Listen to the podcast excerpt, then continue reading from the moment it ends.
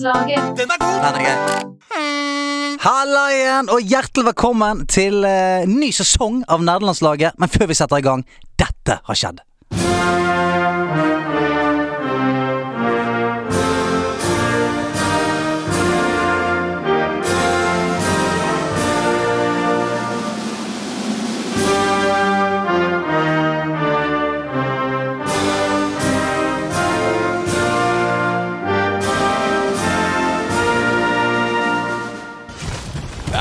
Going. Nyrox and Aqua off the high ground. No one challenging for it as of yet. You got Elevate and C still on the low ground. Punisher there as well. And look on the high ground still, folks. It's Nyrox and Aqua setting themselves up for a great spot at the end of this game. Still Aqua and Nyrox, they have absolute ownership of everything underneath them so long as they stay on top of their material count. Two duos left. It's Aqua and Nyrox, Cease and Elevate. The rest are all solos down low. Aqua and Nyrox.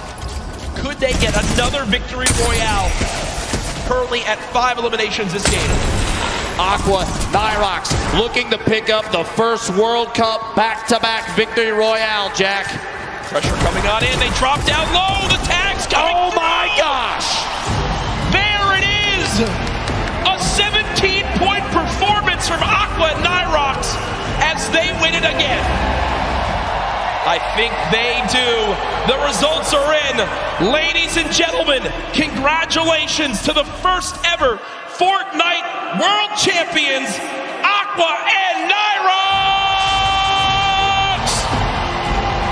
Gentlemen, the trophy is yours. Your Fortnite World Champions, Aqua and Nyrox!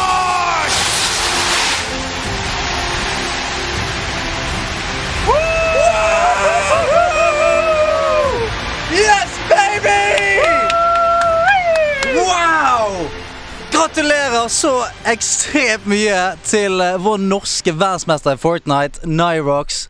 Herregud, er ikke det gøy? Eh, jeg snakker jo nå til, eh, til deg, kjære lytter, selvfølgelig. Velkommen til sesong to av Nederlandslaget. Eh, og rett overfor meg så sitter Kratos sjøl. Eh, Andreas Hedemann i sin God of War T-skjorte. Hey, baby. Oh, hello. Er det, er det catchphrasen? Jeg ble sendt inn i catchphrase ja, som heter Hey, baby. Sto det i parentes, må sies med lav sexy stemme. Hey, baby. Hey, baby. Jeg vet ikke om jeg kommer til å gå for den. Nei, Det føles ikke riktig. nei men hvis du, hvis du fornorsker den litt, så syns jeg det er mer deg. Hei, baby! Hei, hei, baby! Hei! Hei! Ja, det er mer Hedemanns. Ja, Hei, baby! Hei, baby! Ja, Hei, baby? Ja, ja, ja, ja. Du, vi uh, har begge to hatt oss en uh, lang og god sommerferie. Uh, og nå er vi tilbake igjen, friske og fine, for det som er sesong to av Nerdelandslaget. Og Nyrox har blitt verdensmester i Ai, Fortnite! det er så Altså, kan, kan du tenke Helt det? sykt. Vi har, nå, Helt nå, sykt. nå begynner vi å ta over den e-sportscenen, mann. Og det var så bra, for vi sa det jo eh, før VM. Vi sa ja, vi får se da om vi kan ha noen i studio her. Da Ja. får de i så fall bli verdensmestere. Tenk at det var motivasjon. Jeg tror- jeg tror det. Altså- Nyrox hørte på. Idet de hadde high ground på siste kampen der, så, så var det litt sånn som i, uh, i en gammel sånn kampsportfilm. Da, da gikk de tilbake igjen. Det var flashbacks av, eh, av oss som snakket. Ja, ja, hva, ja, hvis de skal være på besøk her, her så er det verdensmestere. Og da bare Da klinket det til. Ah, det var så deilig å se på. Jeg syns det det var helt sykt. Jeg så eh, dessverre ikke live, men jeg så finalen, alle kampene i opptak, eh, og det er så imponerende. Altså måten de holder roen der. Jeg hadde aldri Altså, de taper jo i begynnelsen, og så henter de det tilbake igjen. Eh, og jeg har aldri hatt hodet kaldt på den måten. Jeg hadde Ikke- vært helt ja. Å, fy flate. Vi, vi, har- vi, har- vi har snakket om, med flere om dette. Vi snakket jo med Noobworks og snakket om at de har eh, mentalcoacher inne for å, snakke med Fortnite-spillerne sine. Og vi snakket om med Hunter Race, som, som uh, snakket også om det der å sitte foran tusenvis, titusenvis og jeg, altså, Rundt omkring i verden så var det vel 100 millioner som fulgte med på det, eller noe sånt. Helt Det absurd. var helt absurd. Og da ikke drite seg ut er helt fantastisk. Altså, og de, han er 16 år. 16 år, Det klikker for meg. Det er så sinnssykt. 3 millioner eh, dollar på deling. Det er altså cirka Kan du tenke deg det?! Det er 13 millioner eh, hver, da. Kan du tenke deg det? Du er 16 år, så vinner du 13 millioner! Og hvis du tenker at eh, en ganske god gjennomsnitts... Eller en god inntekt i Norge, det er jo sånn 500 000 i året. Ja, ja. Så han har tjent 26 år med lønn. ja og, ikke, og, og lønn som han har slippet å bruke. Han bor hjemme. Han, Ja, ja, ja. han har fått 26 år med lønn Ja. uten å betale noe skatt, uten å på en måte bruke noe på uh, Hafslund strømregning eller uh, Altså, de noe som pengene, helst. de pengene kan jo stå og høyrente seg på en supersparkonto i DNB. Vi er ikke sponset av DNB. Nei, Eh, de neste fem årene. Enda. De neste fem årene, Og så kan han bare gå ut, kjøpe seg et mansion i Bergen, eller hvor han bor. Jeg vet ikke. Mm. Eh, Vestfold, var det vel? Ja. Ja, Vestfold. Men jeg hadde anbefalt uh, i Bergen. Ja, ja, ja, ja, ja. Han og Kygo. Men eh, det der er helt vilt, og eh, jeg håper jo og tror at dette ikke er det siste vi ser av eh, eh, Av norske Ja, og Nyrox og norske verdensmestere. For det, er det er blitt en trend nå. Sant? Vi nordmenn begynner å ta over den e-sportscenen.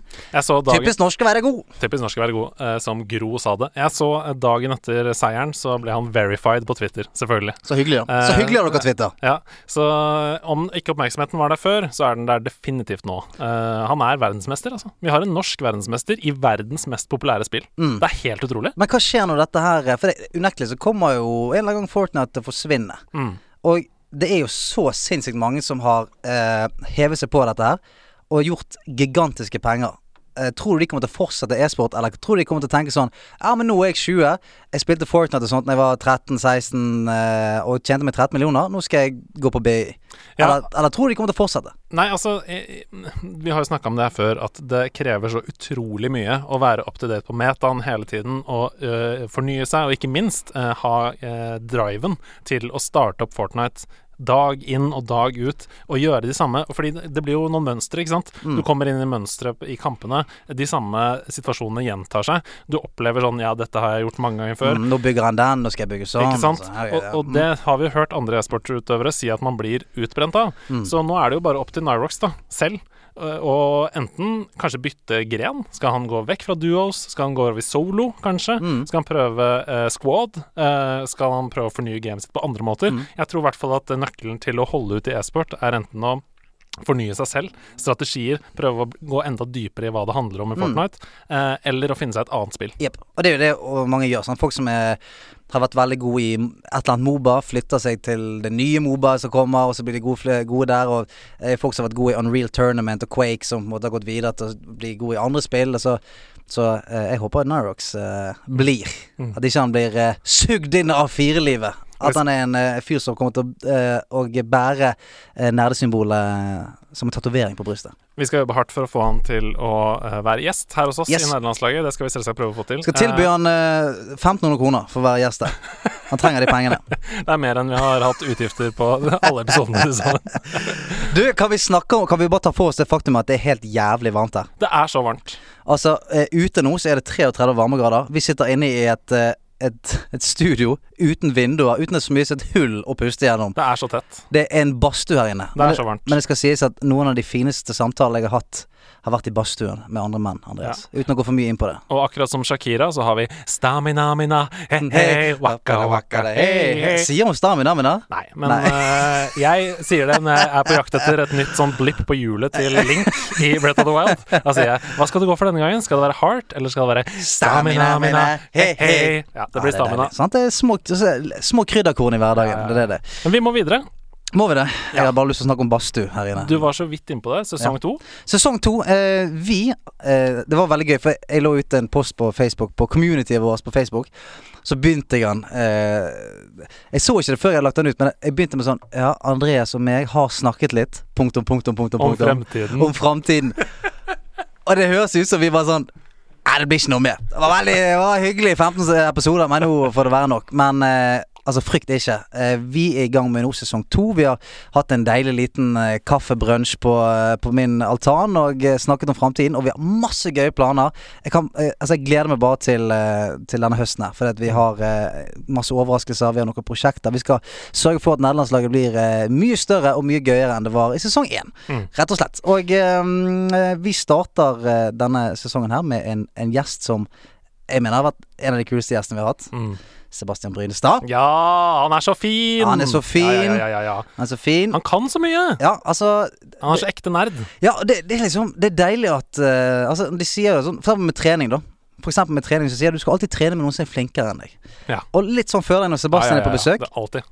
Litt flinkere. Sant? Sånn jeg føler jeg, jeg blir litt flinkere Det han er noen å se opp til alltid. Ja. Når vi spiller Overwatch, så uh, er jo han Reinhardt alltid. Ja. Uh, og da, når jeg ser den klubba svinge seg når han charger inn. Da tenker jeg sånn Reinhardt vil jeg også være. Jeg vil være sånn. Det er sånn det vil være. Perfekt kontroll mellom attack og defense. Ja, ja. Ja, altså Han kommer på besøk i dag, og så har vi en del nye ting. Du kommer til å ta Kalle. Ja, eh, det er jo ikke Altså, vi har eh, byttet ut noen spalter og Mm. introdusert noen nye som vi gleder oss veldig til å vise dere. Yes. Um, men det er ikke så mange store forandringer. Neida. Vi fortsetter med det som funker best. Men den første forandringen er en helt ny spalte, Mm. og den kaller vi for Ukens øyeblikk. Ja, Kan ikke du si litt om det? Jo, for det, eh, altså, vi har snakk, Vi har pleid å starte med å snakke litt om hva vi har spilt siden sist, og sånt men det vi aldri har eh, pirket litt, borti, er de fine øyeblikkene, eller kule øyeblikkene, eller de store øyeblikkene eh, med de spillene vi har spilt siden sist. Altså den sinnssyke 360 no-scopen du hadde i Apex, eller eh, når du begynte å grine i slutten av et spill, et eller annet sånt. Det, det øyeblikket. Eh, så vi har lyst til å teste det, se om, eh, om det kan være mer fruktbart å snakke om hva, hva vi har opplevd, hva som har gått inn på oss eh, med spill siden sist. Så jeg vet at du har hatt et sånt øyeblikk. Ja, det har jeg, for jeg har jo fått meg gaming-PC. jeg blir aldri lei. Jeg liker at du fniser hver gang. Jeg blir aldri lei av å si det. Jeg ble sammen med en modell. Har jeg sagt det før? Oi! Jeg blir sammen med en som cosplayer eh, Zelda. Beste som fins. Ja. Nei, um, så jeg elsker fortsatt å si det høyt, men uh, ukens øyeblikk for meg Det var å laste ned PTR, eller Public Test Region, som det heter på Overwatch, på PC. For det har jeg jo aldri kunnet ha. Jeg har jo spilt eh, Overwatch på konsoll, eh, og da blir jeg alltid misunnelig på de som spiller PTR, for der kommer de første patchene, de Yes, nye yes. Heroesene, nye balansechanges og sånn. Det får de testa ut der. Så jeg har eh, endelig fått testa Sigma, den, Den- nye helten. Den sinnssyke astrofysikeren. Ja, og det var så gøy. Så ukens øyeblikk for meg, det er eh, rett og slett Sigma. Da jeg fikk endelig um, prøvd han før alle andre. Ja, for- På Å, PTR. for- Hvor gøy, hvor gøy var han? For jeg har bare sett noen videoer. Han ser jævlig gøy ut. Altså Det som er sjukt, er jo at da jeg så den bakgrunnshistorien hans, den Lauren, så ble jeg så gira. Fordi Blizzard de går i en sånn spennende retning med han. Uh, den videoen den er liksom ekkel, mørk, ubehagelig å se på. Han er sånn schizofren, dras mellom sitt eget uh, sane seg selv og uh, insane seg selv. Så jeg liker det kjempegodt. da Og eh, å spille han føles litt på samme måten. Du føler hele tiden at du balanserer med en sånn knivsegg av insanity. da Og det er kjempegøy. Eh, kjempegøy. Og han svever jo. Ja, altså, ja, for ulten hans er at du kan eh, Du svever, og så drar du alle opp og knuser dem i bakken som Ja. en sånn gal Magnito-karakter. Det er på en måte det motsatte av Doomfist. For Doomfist går jo over eh, og, og slår ned i bakken, Mm. mens eh, Sigma tar et svær sirkel og løfter alle opp. Og det beste eksempelet jeg har sett på bruk av det hittil, det var noen som spilte på YouTube. Um, og så uh, I Overwatch skal du frakte en payload Mm. fra A til B, ofte.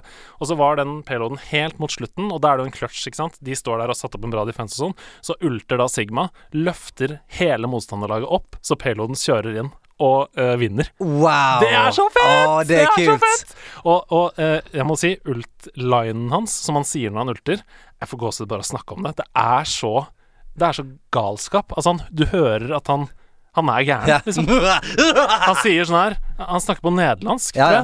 Og så snakker han Det er helt sjukt! Det er helt sjukt! Det er, helt sjukt. Det er, det er dødsfett. dødsfett Han ser kul ut. Det er jo det er en tank-karakter. Ja. Altså eh, Og det trenger vi mer av Ja. Overwatch. Og eh, har sinnssykt mye kul utility. Altså Han har et skjold som man kan skyte ut, Ja. stoppe hvor som helst, som virker helt sykt. Du kan, Ja, ja, Du kan, du kan shielde oppover. Altså sånn Hvis du har en Farah mot deg, så kan du bare shielde det opp i luften. Og det som er så rått med det, er den, det som du snakker om nå, den mobilityen. Fordi eh, det er jo ikke noe cooldown på den mobilityen. Nei. Så du kan bare Jeg tar litt skjold her, tar den vekk. Tar litt skjold der, tar den vekk. Flytter. Litt skjold der, flytter. Og det er helt rått, da. Det er som å ha en Reinhardt uh, blanda med da Symmetra hadde sånn skjold hun uh, sendte Ja, ja. foran seg i den ene patchen før hun ble nerfa.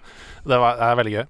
Ja, og eh, han har mye kule damaging abilities. Han kan dra ut shit fra bakken og kaste det på folk. Ja, og han kan eh, holde et slags skjold foran fiendenes projektiler, som han absorberer fiendenes projektiler og gjør om til skjold på seg selv. Hva er dette for en hero? Han høres, helt- han høres helt syk ut. Det Han jobber som med time and space hele tiden. helt, Men det høres ut som en sånn X-Man-hero. Er Ja. sånn, Han virker altfor god, da. Ja, men jeg tror også Altså, min uh, erfaring hittil er at han er utrolig vanskelig å spille. Mm. Det er dritvanskelig. Altså, jeg tror du må ha en del timer med han under beltet før du kan liksom prøve i komp, da, for Ja. eksempel. Ja. Så du, eh, ditt beste øyeblikk er det du blir kjent med den gale nederlandske Ja. eh, astrofysikeren. eh. Og jeg blir så glad for fremtiden til Overwatch. Mm. Fordi de tør å gå i en litt mindre polert retning. da Litt mer liksom Det er noe darkness her, det er noe gritty greier. Det føles som om vi nå skal få Christopher Nolan inn Ja. og skal lage Batman revamped, liksom. Og det er kult, for det, uh, Blizzard generelt har jo vært veldig sånn Eh, Juhu, hei, hei. Ja, Disney, ja. Disney, Disney, Disney, Disney. Disney. Så eh, jeg, jeg elsker når spill blir litt sånn uh, uh, ikke bare mørkt, men det er en viss sånn morbiditet til det. Altså at noe altså derfor, jeg, derfor jeg liker å spille Wolfenstein eller Doom eller sånne ting som er bare over the fucking top. For du trenger det av og til. Så det at Blizzard sniker det litt inn nå, jeg er veldig glad i det. Ok, ukens øyeblikk er blitt gjort. Yes. Fint øyeblikk. Eh, Takk, takk, takk. takk ta korttavlen. Ja, Det er et par kjappe beskjeder. Eh, her, Pappa Cox, Pappa Cox! eller Andreas som han heter. Eh, Autochess eller Dota Underlords eller Autobattlers fra alle produsenter. Er dette den nye Battle Royale? Dvs. Si en hype som plutselig alle skal lage sin variant av? Og da eh, vil jeg si først at jeg tror ikke det. Nei, jeg tror ikke Eh, med fokus på tror, da. Fordi Mm. man kan aldri vite med gaming. Jeg vet at f.eks. Teamfight Tactics har blåst veldig opp Ja. den siste tida. Det er, det er et av de mest streamede spillene på Twitch. Det. Og det er bra at uh, ildsjeler som digger den sjangeren, kan lage sine egne vrier på den og sånn, men jeg tror at Autochess er for utilgjengelig Jeg er helt enig. for at det skal bli så stor som Battle Royale, Jeg er helt enig. For det er sånn, uh, Du kan plukke opp kontrollen din og spille Fortnite eller Apex Mm. uh, og skjønne det meste, men det kan du ikke med Autochess. Da, I hvert fall ikke på samme måten som Battle Royale. Vi må liksom anerkjenne at uh, det er seksåringer som spiller Fortnite. Yes. Det er ikke seksåringer, tror jeg, som spiller Autochess. Nei, men da, det syns jeg er utilgjengelig, og ikke minst det der Hvis du Altså, det er jo noe med den Battle Royale-sjangeren også som er litt sånn hjernedødt. Mm. Trykk på ready, du blir sluppet ned på bakken. Enten så finner du et våpen og dreper et par stykker, så dør du med en gang. Ok, ready opp igjen, ut igjen. Foran eller ut. Ja ja, ned og opp, og noe, få noen skins. Sånn. Det, Gå opp i level. Yes, next, kjør ja, ja, på. ja. det, er, det er veldig deilig, for det, det krever så å si null av deg. Ja. Og så eh, blir du bedre etter hvert. Men sånn som Autochess, og jeg har, jeg har snust litt på Teamfight Tactics og sånt, og du må Der òg er vi inne på liksom meta og sånt igjen. Du må inn og se Mm, mm. hva er det som er godt, og hva, hva som er lurt grep, og ja. du, du må liksom holde det litt mer oppdatert. Jeg tror det er en hype for eh, de som er veldig inne i gaming, sånn som mange av de som hører på denne poden. Mm. Eh, men altså, gaming som sagt er uforutsigbart. For alt jeg vet, så snakker vi bare om uh, autochess i Mm. 2020. Det kan godt hende, men eh, jeg tror ikke det. Jeg tror ikke jeg det heller. Eh, mer ting på korttavlen? Ja, en kjapp en. Ja. Tips til mobilspilling. Hvis det er et spill du ikke trenger nett, kan du skru av nettet på mobilen for å slippe ads. Ja. Hilsen Tokkisen. Yes, men eh, du, du slipper ads, eh, men det er jo noen funksjoner som ikke eh, Yes. trer inn, da. Ja. Jeg syns det er et nydelig tips, og en liten sånn som du er inne på her, en liten obs. Yep. Um, for jeg gjorde dette på et tidspunkt i Archero, Mm. og da kan du heller ikke upgrade helten din. Nei. Fordi du må ha internettconnection for å upgrade eh, både sånn passive abilities, men også få på litt nytt utstyr og sånn. Så bare Ja, også jeg har vært borti at hvis du har et spill som er litt større, og er- det er på en måte en At du er inne på Google Play, og du synker progressen din mot en sky eller et eller annet sånt, og så hvis du på en måte lukker spillet uten nett, så vil han da bare Idet du får nett igjen, så vil han starte opp igjen der Mm. som du var sist. Du kan rett og slett miste timevis med progress. ja, for du, du får ikke opplastet den progressen noe, på noe server eller noe sånt. Mm. Så det, eh, du bør i hvert fall, i slutten av spillet, sette på internetten igjen. Sørge for at du har fått synket spillet før du uh, går ut. Rett og slett. OK! Eh, luften her inne skal til å bli tjukkere, men og så mye nydeligere. Eh, for det at rett utenfor døra nå så står en gjennomsvett Sebastian Brynestad.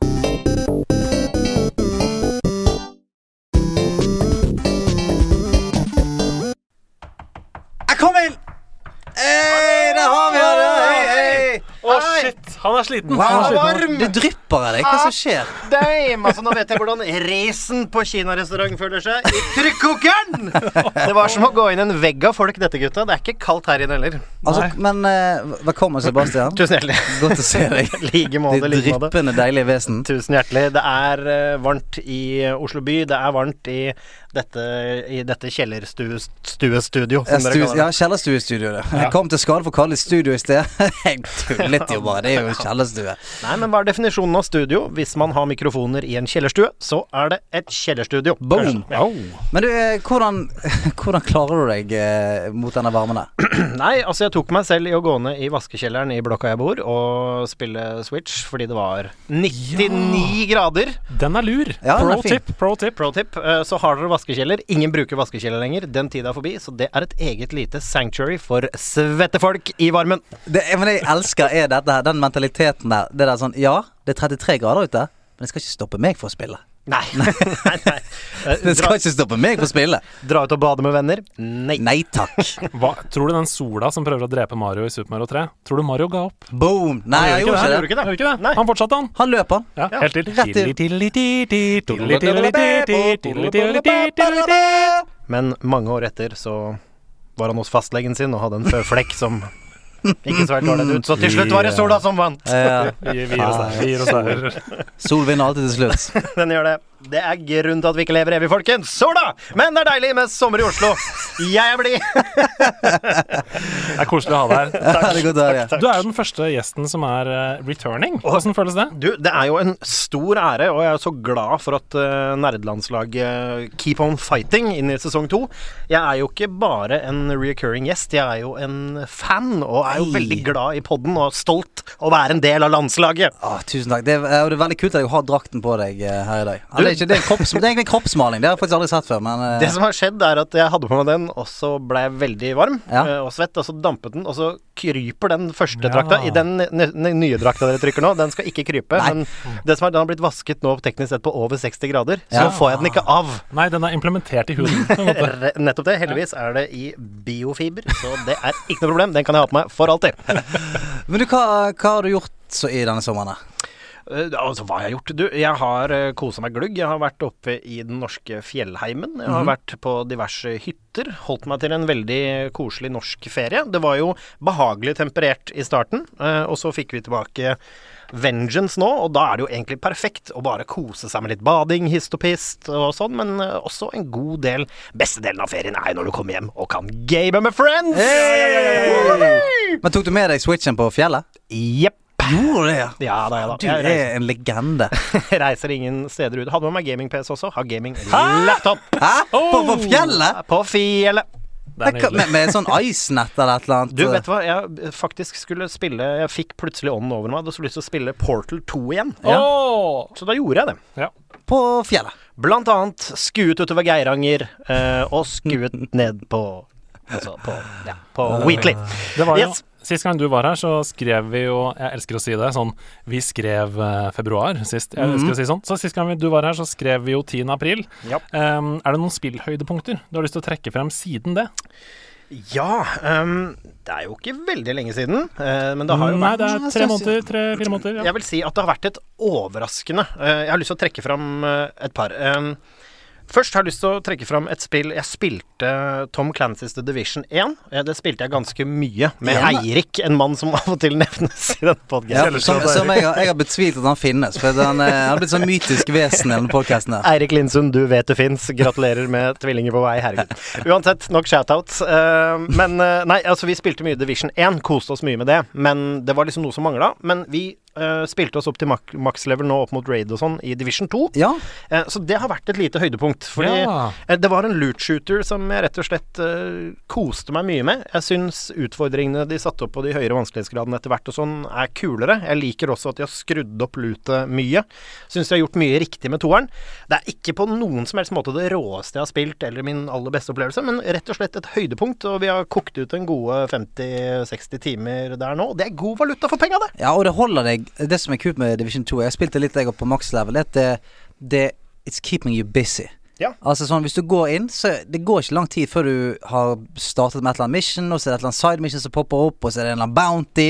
Sånn at timene bare løper. Og så er det nettopp det der det hagler lot. Altså det sprenger lot overalt. Du må sjekke bagene dine hvert tiende minutt, for det bare eksploderer med våpen. Og det er så viktig at endgamet er spilleverdig i et sånt type spill. Fordi, eh, kjapp digresjon bare, jeg spilte Elder Scrolls Online Mm. til eh, max level. Det er det første MMO jeg egentlig har spilt. Eh, og endgamet der, på det tidspunktet jeg spilte det, var eh, ingenting. Nei. Altså det var um, Jeg følte meg ferdig med spillet, og det var ikke noe mer å gjøre.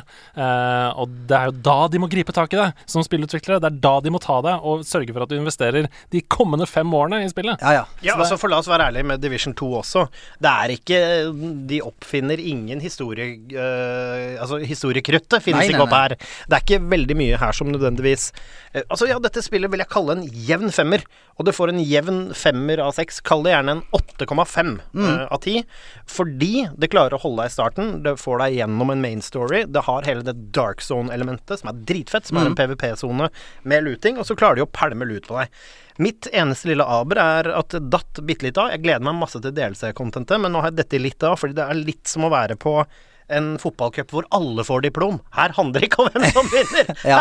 For etter hvert så er det så mye diplom i sekken, da. Det det, sant? At du liksom sånn Ja, ok, greit, du må dismantle eller selge eller faen, og så eh, begynner bare ressursene og alt sånt går litt sånn inflasjon. For du har en bill du er fornøyd med, du har en class Mm. Ja. du er fornøyd med, og så Ja, og da dabler det jo litt av. Selv, selv om den hellige gralen med en perfekt black market-hus alltid er der. Jo, men sant, det, det der er jo litt sånn uh, som jeg har følt at det har blitt med WoW nå, da.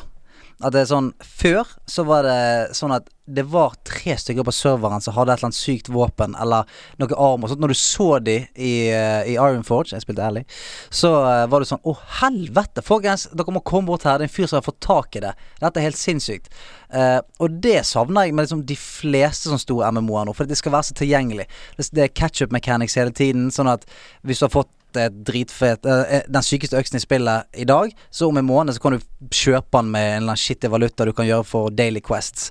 Sånn at eh, de, de timene du ligger inne i spillet, de Altså, De bare forsvinner sånn hver måned. For da er det sånn Å ja, husker du det sykeste våpenet? Ja ja, nå kan du kjøpe det for 15 kroner på Steam. Og det finnes et som er dobbelt så sjukt. Ja, Ja, og, og det er en Det er helt enig. Det er en vederstyggelighet, som det Mm. heter på språk. Eh, det, så det er en liten pekefinger fra deg, og fra meg, Ja. og deg og Hedo. ja. Altså om hvert fall på, hvert fall på en del sånne cosmetics, da. Kall, altså gi meg greit nok at våpenet i seg selv kanskje Altså du må ha nye meter, du må ha nye loots og sånn, men skins og cosmetics og alle sånne ting i hvert fall. Ingenting provoserer meg mer enn ting jeg har brukt 176 timer på nå kan kjøpes av Klaus Shout-out til deg, Klaus. Okay. Som fikk PlayStation til jul for første gang. Og nå liksom logga seg på. Og her er pre-order-bonusen din. Ja, her er skinnet. ja, ja. Han, han bare fikk det med spillet. ja. Mm. Fuck han! Ja. Han skal ikke få det med for spillet. Ikke fuck han. Jo, han. Fuck de som tilgjengeliggjorde det for han. Hate the game, not the player! Klaus er med på å gjøre dette. Sant? Men eh, jeg skulle bare si det sånn Jeg er helt enig med kosmetisk og sånn, for jeg er en sånn Jeg liker at eh, at du skal Altså, litt av min sånn glede når jeg spiller spill som for eksempel Sånn som Division eller, eh, eller MMO-RPG, alt mulig, det å kunne ha på meg noe fett, sånn at alle andre ser at oh shit, han har gjort noe crazy. Sånn hvis du har en skin i Division 2 som viser at ja, jeg har gjort alle raidsene på hard mode, eller hva faen heter det for noe, sånn at når folk ser deg, så vet de at å, han er syk i hodet sitt. Hvis alle har det, så har det ingen verdi. Så jeg mener at sånn Jeg tror ikke du eh, skyver bort casual-spillerne eh, ved å ha den muligheten, men det tiltrekker seg hardcore-spillerne. Sånn at du får begge deler. Altså Det må være noe som gjør at de som er hardcore, får betalt for det. Eh, og så kan de casual-spillerne få kjøpe seg noe eh, andre skins, liksom. Ja, ikke sant. Det er litt sånn som de som går på treningssenteret og blir ripped. Bra jobba. De som går til kirurgen og blir ripped. Er ikke så fett. Er ikke så fett. Eller de som har gylne våpen i Overwatch, kontra de som ikke har det. Ja. Du vet bare at de har spilt helt sykt mye, og det er ingen måte folk kan kjøpe seg et gyllent våpen i Overwatch. Du må bare spille masse. Yep. Uh, og det syns jeg også er bra, for det betyr at uh, folk kan ikke legge liksom 1000 kroner på bordet og få den gylne hammeren til Reinhardt. Det er et bevis da på at du har investert i den heroen, og du har brukt masse tid på å bli god med den heroen. Enig. Veldig deilig. Ja, enig. Eh, Så eh, Et kjapt lite tips til. Jeg har, for jeg, jeg har to. tips. ja, ja, ja. Kjør på. Og dette er veldig kjapt. Det er Assassin's Creed. Jeg var stor fan lenge. Eh, men så kom det en viss fransk revolusjon eh, til bordet som gjorde litt ræva. Og så, la oss være enige gjennom Syndiket, som i seg selv var et bra spill, men egentlig ganske dårlig, så ble det jo veldig revampa med Origins. Ja. Syndicate, var det Er vi i London da? Var det det greiene der? Ja, stemmer. med, med gjengen. Eh, og så kom Origins, som redefinerte, gjorde det til en RPG med mer sånn loot og stats på våpen Mhm. og sånn. Og m- riktigere. Uh, kul verden, veldig mye bedre. Kjøpte men meg en flammende kamel, jeg skal innrømme det. Nettopp. Og der, og der på en måte Der spilte jeg main storyen, men ble ikke helt bitt. Og så tenkte jeg sånn Jeg er egentlig ferdig med Assassin's Creed, men så var det tilbud på PlayStation. Det var ukaspill. Kosta en Odyssey. Eh, Odyssey, ja. Oh. Og, og, og kosta en snau eh, 200 og et eller annet, eh, som ikke er nødvendigvis er snaut for alle, men som eh, i det øyeblikket var snaut for meg. Yes, skryte på seg 250 kroner å bruke der. Jeg bare blæser deg. Bling, bling, bling, bling. Har ikke råd til mansion i Vestfold, men nesten 13 millioner Fortnite. Hashtag. Uansett, eh, jeg er helt blown away. Ok. Ja, eh, her har de tatt alt det som har vært bra med Assassin's Creed. De har skjønt eh, hva som har fungert i den nye eh, revampen fra Origins. De har hentet inn blant annet eh, eh, Blant annet eh, skip som er Ja, Black, Black Flag, ja. ikke Ja, sant? Ja, ja, ja. Så nå er det bare alt Assassin's Creed noen gang har vært. Nå er det alt. Og det er masse mechanics, og det bare føles som et spill jeg kan kose meg med i kanskje 150-200 timer. Og, jeg, og vet du hva? Det, dette sa jeg forrige gang jeg var her, men det lukter og det kjennes litt ut i kroppen min at jeg kommer til å plat that shit. Oh, plat that shit! Plat it! Så det er eh, mine to gamingtips siden da. Men det er så mange nå som har skrytt av Odyssey, at jeg kommer til å måtte spille det. Helt enig. Eh, for jeg, ehm, og dette er kanskje en dødssynd og liksom banning i kjerka, men jeg hadde det litt sånn med Horizon Zero Dawn. At det var på et tidspunkt hvor det var masse annet å spille. Mm. Da det kom, så jeg fikk jeg aldri spilt det. Helt til du, Seb, sa du må spille Horizon Zero Dawn. Jeg hadde hørt masse om det, og så tok jeg det opp, og så er det helt fantastisk, Mm. nydelig, eh, utrolig bra spill. Eh, og, og nå får jeg litt den samme følelsen med Odyssey, Ja. Ja. for jeg hører at det er for meg. Og sånn, så sånn som var det med Dark Souls 3 òg. Hadde alle giddet å spille det. Så kom Sam, sa til måtte spille. Så spilte jeg to timer, kastet dritten ut vinduet. Sånn, ja, ja, ja, samme greie. Samme greie. Ja, Nei, men du det er, eh, er noen som har, og noen som ikke har et sted. Shots fired, shots fired, shots fired. kommer alle til å plat that shit, for å si det sånn. Uh, men uh, vi har jo en viss spalte hvor kanskje Odyssey kunne fått plass. Jeg vet ikke hva vi snakker om engang. Jeg bare, sier- jeg bare lager lyden. Jeg Sier utydelige ting. Uh, ok, men så uh, Od Vi må vi, Jeg sitter Odyssey bak øret, for den kommer jeg til å ta opp senere i sendingen. Men uh, Og, og, og en ting, bare kast ut det om nå, var det, Odyssey. nå, var, nå var det mye. Ja, en bitte, en bitte liten ting til om si Til alle jentegamere der ute som foretrekker å spille med jentekarakterer. Her kan du velge i starten eh, hvem du ønsker å spille som, en gutt eller en jente. Og det syns jeg bare er sånn helt fantastiske Enig. små ting som alle burde gjøre, for du skal identifisere deg med en antagonist. Og du, herregud, du må gjerne genderbende alt du vil for min del, eh, men, eh, men jeg, bare, jeg bare likte det veldig godt. Ja. at Ja, de altså har gjort det. Etter at det ble mainstream å kunne velge kvinnelig figur, eh, så har jeg ofte begynt å velge det. Eh, Ja. Jeg setter You utrolig creep. Nei, men jeg setter utrolig Jeg vet ikke, det er bare jeg eh, Det er som du sier, da. Identifisere deg med en protagonist. Eh, Jeg eh, er ikke kvinne selv, men noen av mine sterkeste øyeblikk i spillmediet har vært gjennom øynene på kvinner. For eksempel Ellie Mm. Ja. i The Last of Us. Ja. Eh, eller, eller Lara Croft i Tomb Raider, i den første revampen av spillet. Mm. Ja. Eh, som har rørt meg, som, har, eh, som har betydd veldig mye for meg. Så jeg er ofte Jeg setter ofte pris på å kunne spille som en kvinne. Så Ja, men de, de evner jo ofte å gjøre eh, som damepersonlighetene litt mer nyansert. Altså, altså manneprotagonistene er veldig sånn eh, Ofte litt sånn De er tøff, men så har de kanskje noe i fortiden som innhenter dem. Vet du hva, Jeg er helt enig Ja. med deg. Ofte så syns jeg kvinnelige spillkarakterer er mye mer tredimensjonelle, og og i hvert fall i nyere spillhistorie. Eh, du vet, du har sånne spill som Dead or Alive, Beach, eh, Volley Adventure. Eh, Der er de så ikke så veldig nyanserte spillfigurer der. Og vi har en ganske skitten spillhistorie av todimensjonelle, puppete kvinner. Tenker Eh, det- cha Lollipop Chainsaw? Er det det for eksempel, jeg tenker eksempel også på uh, en del fighting-spill, hvor eh, damene bare nesten ikke har på seg noe armor, Ja. uh, og armoren deres er en bikini. Yep. Uh, men men moderne spillkarakterer, kvinner, syns jeg ofte, som du er inne på her, har mye mer å by på da, Yes. enn mennene. Så, jeg. Og også, også, ikke er det moderne, det er et lite stikkord her i Odyssey også, synes jeg. Som bare, bare noe så enkelt som at du er jo en svær open world, du bygger relasjoner til folk der verden forandrer seg veldig rundt deg. Altså Det er gjort veldig mye riktig. Det er et spill som rett og slett Altså Det har jo ikke blitt forbigått, men har blitt litt forbigått. Uh, nei, så jeg har storkost meg. Og bare det der at Bare det at man i 2019 endelig i et TV-spill kan være en badass kar som kan ligge med det kjønnet man selv vil. Ja. Eh, både for kjærlighetens skyld, men også for vinning. Altså, her om dagen, så Og, og det for meg, altså Jeg personlig er heterofil, men her om dagen så tok jeg en vurdering at denne hyggelige mannlige smeden, han ligger jeg med. For han har det vanskelig. Ja. Ja, Og, og det var kjempehyggelig både for han og meg. Og du gaina noe på det også, sikkert. Men du, du Egentlig ikke. Det var, Det var bare fornyttelsen. et rart øyeblikk både faen og meg. Nei, men du, du kom jo inn Du kom jo inn her um, med en glødende For vi hadde jo en workshop eh, tidligere i sommer, eh, Ja. Stian og jeg, hvor jeg sendte deg et eh, bilde av Stian på verandaen Ja. som uh, satt der. Og da skrev du 'Jeg ser dere har workshop'. Her er et tema som jeg har lyst til å snakke om. Blablabla. Kan ikke du gå inn på det? Ja, altså Tipset var jo egentlig at dette er et tema som jeg mener at dere burde kikke i og gå i dybden på. Kanskje invitere en gjest som har mer peiling enn meg. Men det er én ting som jeg har eh, Eller egentlig har gått opp litt for meg. Det siste som jeg har sett mye på, det er gaming Altså, man snakker jo om tilretteleggelse for handikappede og funksjonshemmede, ikke sant? Um, Ja, I samfunnet generelt, ja. Samfunnet generelt. Og, men ikke sant, gaming, som er den størst voksende kulturen vi har, altså det, det er det som konsumeres eh, mest av, og som kommer bare til å fortsette å vokse. Det er så mye kult som skjer på den fronten. Og ikke bare da i form av at man gjør det tilgjengelig i form av veldig kule kontrollere Ja, eller hardware for Xbox har jo kommet med den eh, uh, funksjonshemmede Eller uh, den paden sin, den ja. padden, ja, Ja. Hvor du kan bruke hvis du har uh, funksjonshemminger. da. Ja, ikke sant. Også der har du også mange eh, aktører, og det er dritfett. Ta YouTube det. De folka som jobber med det, sammen med det. Masse kule folk som sitter og tenker ut nye ideer. Men det dette gjør eh, for eh, oss som da ikke har funksjonshemminger, det er at det er så nye måter å tenke på. Ja. Ikke sant? Eh, De driver og lager eh, dette skrekkspillet, nå husker jeg ikke akkurat hva det heter, jeg beklager det, men eh, det er et skrekkspill for blinde. Men Oi. det er ikke Det ble begynt som et skrekkspill for blinde. Men det er på ingen måte bare et skrekkspill for blinde. Nei. Fordi straks synet ditt er borte, og du spiller kun på lyd, ikke sant? Å, det er sinnssykt. Ja, så du setter deg bare Du kan bare legge deg i senga under dyna med øretelefoner og kontrollen i hånda, og bare daue, da. Ja, det er kjempefett! Å, Ikke sant? shit, Og ja. de tingene der det har, det, altså, Jeg har så lyst til å møte de folka. Jeg har så lyst til at dere skal finne disse utviklerne. For jeg tror det der, da, både med å eh, Med teknologien som vi ser at det skal lages større og større trippel A-plattformer med svære open worlds, og du kan gjøre ingenting.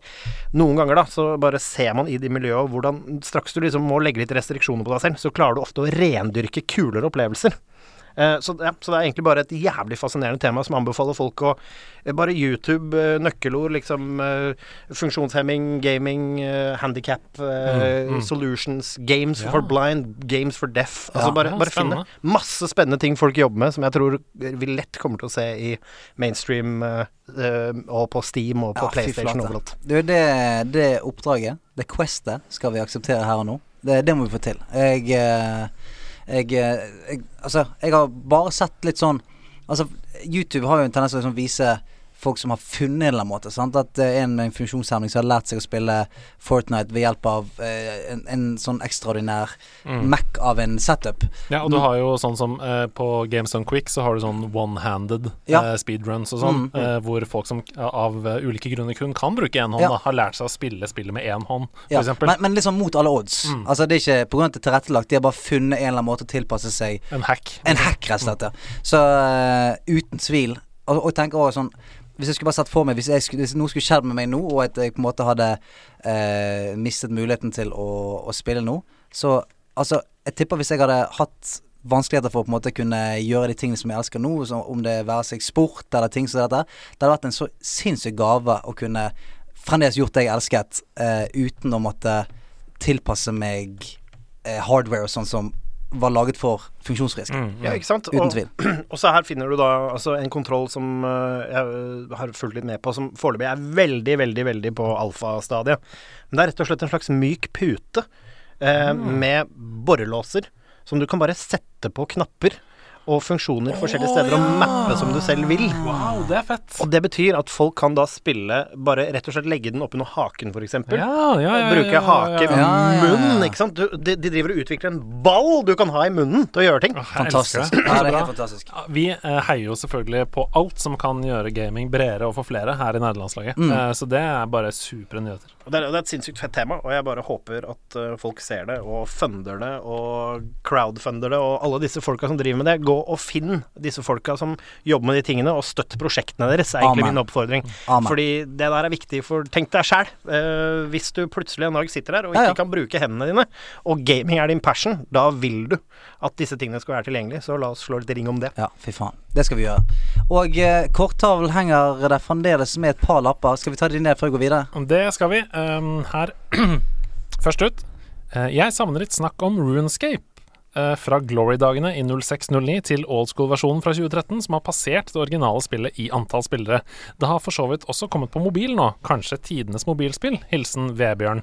Og da tenkte jeg sånn, jeg har ikke noe forhold til Runescape, så jeg bare Vi har fått et par forespørsler, det er ikke bare Vebjørn som har spurt om det, så jeg vil bare ta det opp hvis dere hadde noe forhold til det. Altså, Vebjørn, jeg blir nødt til å skuffe deg. Eh, det er rett og slett en av de spillene som aldri fanga meg på noen som helst måte. Det, altså, og jeg tror kanskje det, det har nok ingenting med spill i seg selv å gjøre. Det bare var Jeg kjente ingen som spilte det. Eh, og jeg kjenner per dags dato heller ingen som Nei, for meg var det tid og sted, rett og slett. Tid og sted, altså Når det kom, så var jeg ikke med på det toget. Og så kom det masse andre gøye ting, sånn som Wow kom jo, og masse andre gøye ting. Sånn at det bare De årene forsvant, og så har jeg, har jeg glemt Runescape fram til at jeg på en måte Jeg har noen ganger søkt på YouTube på sånn MMO-RPG-er du bør teste som fremdeles er bra og sånt. Da kommer alltid Runescape opp som en sånn Dette er fremdeles gøy, og folk bør prøve det. Men aldri prøv det eh, til den dag i dag. Altså skylder vi Altså, dette er jo en tittel som på en måte har hånta meg flere ganger. Det er jo på en måte et lite Det er et, la oss kalle det et svart høl i min Ja, spill-CV. Så, altså, skulle vi for Vebjørns skyld bare ha ratta fram Runescape og prøvd, da? Jeg syns vi skal prøve det, fordi uh, det er nesten litt som å si at man ikke har spilt Minecraft i sitt liv. Fordi det, det er Jeg har, noen ikke- jeg har ikke spilt Nei, Minecraft. men det må du. Det må du. Det må du. Å, shit. Eh. Fordi eh, du trenger ikke å spille det i timevis, men du, det er så, har vært så viktig for spillhistorien Mm. at det, det er liksom å aldri ha spilt Pong eller Tetris, Mm. på en måte. Man, man må spille det. Problemet mitt er at de som har solgt inn til meg, har ikke vært gode selgere. Det er det som er problemet. For sånn her, Min lillebror, eh, han er på besøk Tenker du på Mojang, eller? eh? Mahjong. Eh, nei, men sånn eh, min, lille, min lillebror på 17 Han er på besøk hos meg eh, nå, og han sa Skal vi spille Minecraft? Og så sier du, jeg har aldri spilt det før. Kan du bare ta en kjapp Hvorfor skal jeg spille det? Og da sa han sånn Ja, du, du kan gå rundt, og så kan du hakke ting, og så kan du finne diamanter, og så jeg bare Ok, greit, dette her uh, skal jeg ikke spille. Men noen må selge det inn til meg skikkelig. Ja, altså Jeg vil ikke til forkleinelse for uh, slekta di, men dette kunne vært forklart også med Altså det jeg liker å si, da, Ja. uh, som appellerte til det med meg, og som var grunnen til at uh, min klikk liksom lagde en liten LAN-server og spilte mange timer med Minecraft når det kom, det er fordi det er en virtuell legokasse Mhm. eh, med eh, hvor mye utfordring du vil. Du kan ha freebuilding, men det vi gjorde, var at vi levde i verden, så det faktisk er litt konsekvenser om å bygge litt forsvar. Og så bygde vi svære palasser. Det var som å sitte med kompiser med er og bygge slott, Du liksom. må, du må ut og finne riktige ressurser. Å nei, vi, må, vi, å, vi har lyst til å lage en litt sånn waterinstallasjon water-installasjon inni huset. Ja, da må vi ut, og vi må ha noe stål, vi må ha noe greier, vi må mine masse ting. Det er, det er ganske fett. Ja, men nå snakker vi, sant? Men, men det er Bendik! Lillebror, må du faen skjerpe deg. Må du kunne selge det, Er det ukas kaktus til Bent? Ja, ukens kaktus. Hakke noen diamanter og dasse litt rundt. Det høres ikke ut som det er gøy i det hele tatt. Og herved er den nye spalten Ukens kaktus. Gå hvert år til, hver, hver, hver uke rett til Bendik. Eh, Bendik forteller om spill. Det er en podcast jeg hadde hørt på. Jævlig kort og effektivt. Gjett hvilket spill Bendik snakker om her. Du Ja, du er sånn rørlegger, henter noen penger. Det er noe, du har på deg svart kappe, og så dreper du folk i en by. Det er noen skilpadder. Digresjon, hvorfor skal Mario ha så enormt mye penger hele tiden? Altså, han Er det lavtlønna yrke? veldig, veldig lavt lønn, så det er jo tips, da. Han, det er jo tips, Nei, jo, er ikke det på en måte Er det ikke på en måte det mer sosialistiske Japans kommentar til den amerikanske Ah, ja, kapitalismen. Ja, liksom Selv en skarve rørlegger fra USA er bare opptatt av penger og drepe dyr og Det tror jeg det er, da. Jeg tror jeg det. Vi skal videre. Ja, eh, så jeg håper du fikk svar på um, eh, spørsmålet ditt der. Det var det spørsmålet. Ja. Sorry for det. Ja, vi skal teste det, og så skal vi komme tilbake til det. Jeg skal i hvert fall teste det på min nye gaming-PC. Eh, eh, ja, og så har vi jo hatt, eh, helt til slutt her, før vi skal videre i denne podkasten, så har vi hatt denne draktkonkurransen vår Ja! gående altfor lenge. Nå skjer det. Eh, men nå har vi kåret en vinner. Det skjer nå. Det har kommet inn uh, utrolig mye bra Yes. på Discord-serveren vår. Så, så Eh, først og fremst, tusen takk for det. Altså, det engasjementet der har vært helt uh, nydelig. Det har vært helt fantastisk. Og vi kommer til å ta kontakt med flere av dere som har lagt inn der bidragene, for å høre om vi kan bruke dem til noe. Ja. Vi har noen ideer, nemlig. Vi har lyst til å bruke noen av de til noe og sånn. Men vinneren av den offisielle draktkonkurransen som, som vi skal prøve å lage en drakt som dere skal få kjøpe og kunne ha før under juletreet deres, det er Fyrst Biola! Fyrst, fyrst, fyrst. Og her er drakten. Se på den, da! Ja, så den var kul. Kan du ikke beskrive den, Stian? Det er eh, Altså, det ser ut som en landslagsdrakt på alle mulige måter. En hvit base med et eh, påkladdet norsk flagg helt nede. Sånn svær, mektig løv over eh, brystet med nerdelandslaget inne i manken på, eh, på løven. Og her oppe på skulderen så kan du da ha din egen gamertag. Åh, det er Mhm. fett, da. Eh, på hvert erme så står det nå foreløpig jalapeño, eh, og kjøttet går på Ja. den andre. Jeg lurer på om eh, det i hvert fall skal stå karnevalet på den ene. Jeg tror jalapeño ryker. Ja, den ryker den. Kan vi unngå Hey, ba- baby? Ja, ja. Hei, baby! Så eh, Og så er det- ser jeg i stoffet, det hvite er ikke bare hvitt stoff, men det er sånne pentagons, Ja. Ja, ja, ja, ja. sånn grid øh, over Ja. hele der, som ser litt, kan se ut som dragehud, men også som feltene man beveger seg i. Ja, det kan se ut som en sånn powersuit ja. på mange måter. Så uh, først, Biola. Tusen, tusen hjertelig. Dette, dette blir den drakten vi skal gå for. Vi kommer nok sikkert til å ta oss eh, noen små kunstneriske friheter. eh, og bare piffe den litt grann opp. Og så kan du i hvert fall si at du har vært designeren Ja, for fantastisk. den Du skal selvfølgelig også få en gratis eh, drakt. Ja, av oss. Eh, Det står altså da nerdelandslaget oppe i høyre hjørne, og så er det en slags løve som kommer brølende ut av den ene skulderen. Og eh, jeg vil bare for, for de som ikke vet hvorfor det er en løve der, så er jo det fordi det er eh, riksvåpenet til Norge. Denne løven, da. Mm. Eh, så det er jo helt fantastisk. Eh, tusen takk for det bidraget. Kjempefin drakt. Det er, den- det er den feteste ES Altså allerede på dette stadiet, den fete, en av de feteste ES e-sportdraktene jeg har sett. Ja, altså, når, når den gjengen der kommer inn, Ja. da, eh, da, da frykter du det. Jeg skal kjøpe to, jeg. Så jeg da, eller kjøpe tre, da, så slipper jeg å vaske klær øh, på en hel uke. Bare den. Må ha en sånn- litt sånn stor til for han krymper, da. Ja, sånn. Eller jeg vokser. Det skjer ikke. Altså, selv om sol er der ute, så holder ikke det oss utenfor gamingboolen vår. Nei, nei, nei, nei. Nei. Så eh, hva har du spilt siden sist, Andreas? Nei, det har jo vært en hel sommerferie, faktisk. Fire uker Ja, med gaming uten jobb. Så jeg har jo spilt veldig mye forskjellig. Ja. Uh, det har jeg. Uh, så det er vanskelig. Men jeg, men jeg har lyst til å trekke frem én ting. Ja. Jeg har tatt opp World of Warcraft. Oh, shit! Har du gått i fella? Ja, ja. Han har, han har klart seg til et par og 30 uten å prøve the drug. Forbereder du deg til Vanilla, er det det du driver med, eller? Ja, til Classic. Ja. Eh, jeg spiller en Paladin Blood Elf, Ja, og jeg elsker det. ja det, er Jeg elsker det er min main òg, for å si det sånn. Ja. Og sist gang jeg spilte det spillet, så satte jeg meg ikke ordentlig inn i det. Eh, For det var bare en del av en sånn Heartstone-kampanje, hvor du kunne eh, levele en karakter til level 20, og så fikk du et skin eller en hero. Du bare Hearthstone. kjappet deg opp, Ja. for å bli ferdig med det. Så jeg bare grinda til level 20 med en mage. eh, men nå har jeg liksom Nå har jeg sett videoer, satt meg inn i litt law, begynt å, å liksom eh, lese kart og skjønne hvilket område jeg er i, snakke ordentlig med istedenfor å bare skippe gjennom dialogen, så har det liksom sett Selv om mange av de questene i starten er bare sånn Drep ti sånne, gå Ja, dit ja, og gjør det, så eh, får du mer ut av det hvis du tar det litt på alvor. Yes. Jeg syns det er kjempegøy! Så jeg må bare si For the Horde! Og er du horde? Sylvanas! That bitch! No! Ok, så eh, du har rett og slett blitt dratt inn i dette. Det liker jeg, det elsker Jeg jeg. er, det, jeg har det. Eh, Jeg er bare eh, level 30, altså. Så Jo, det er jo. ikke, men det er noen timer, det, da. det er noen timer, det. ja, og spesielt når du tar det Det er ikke liksom sånn fast leveling. Jeg, jeg leser dialogen, jeg følger med og ja. Men når Classic kommer, Mhm. så er du klar over at du ikke kan spille Du kan ikke spille Horde Paladin da. Mm, nei, for da er det Alliance, er det det? Jepp. Ja, det får vi se på, da, om community stemmer Ja.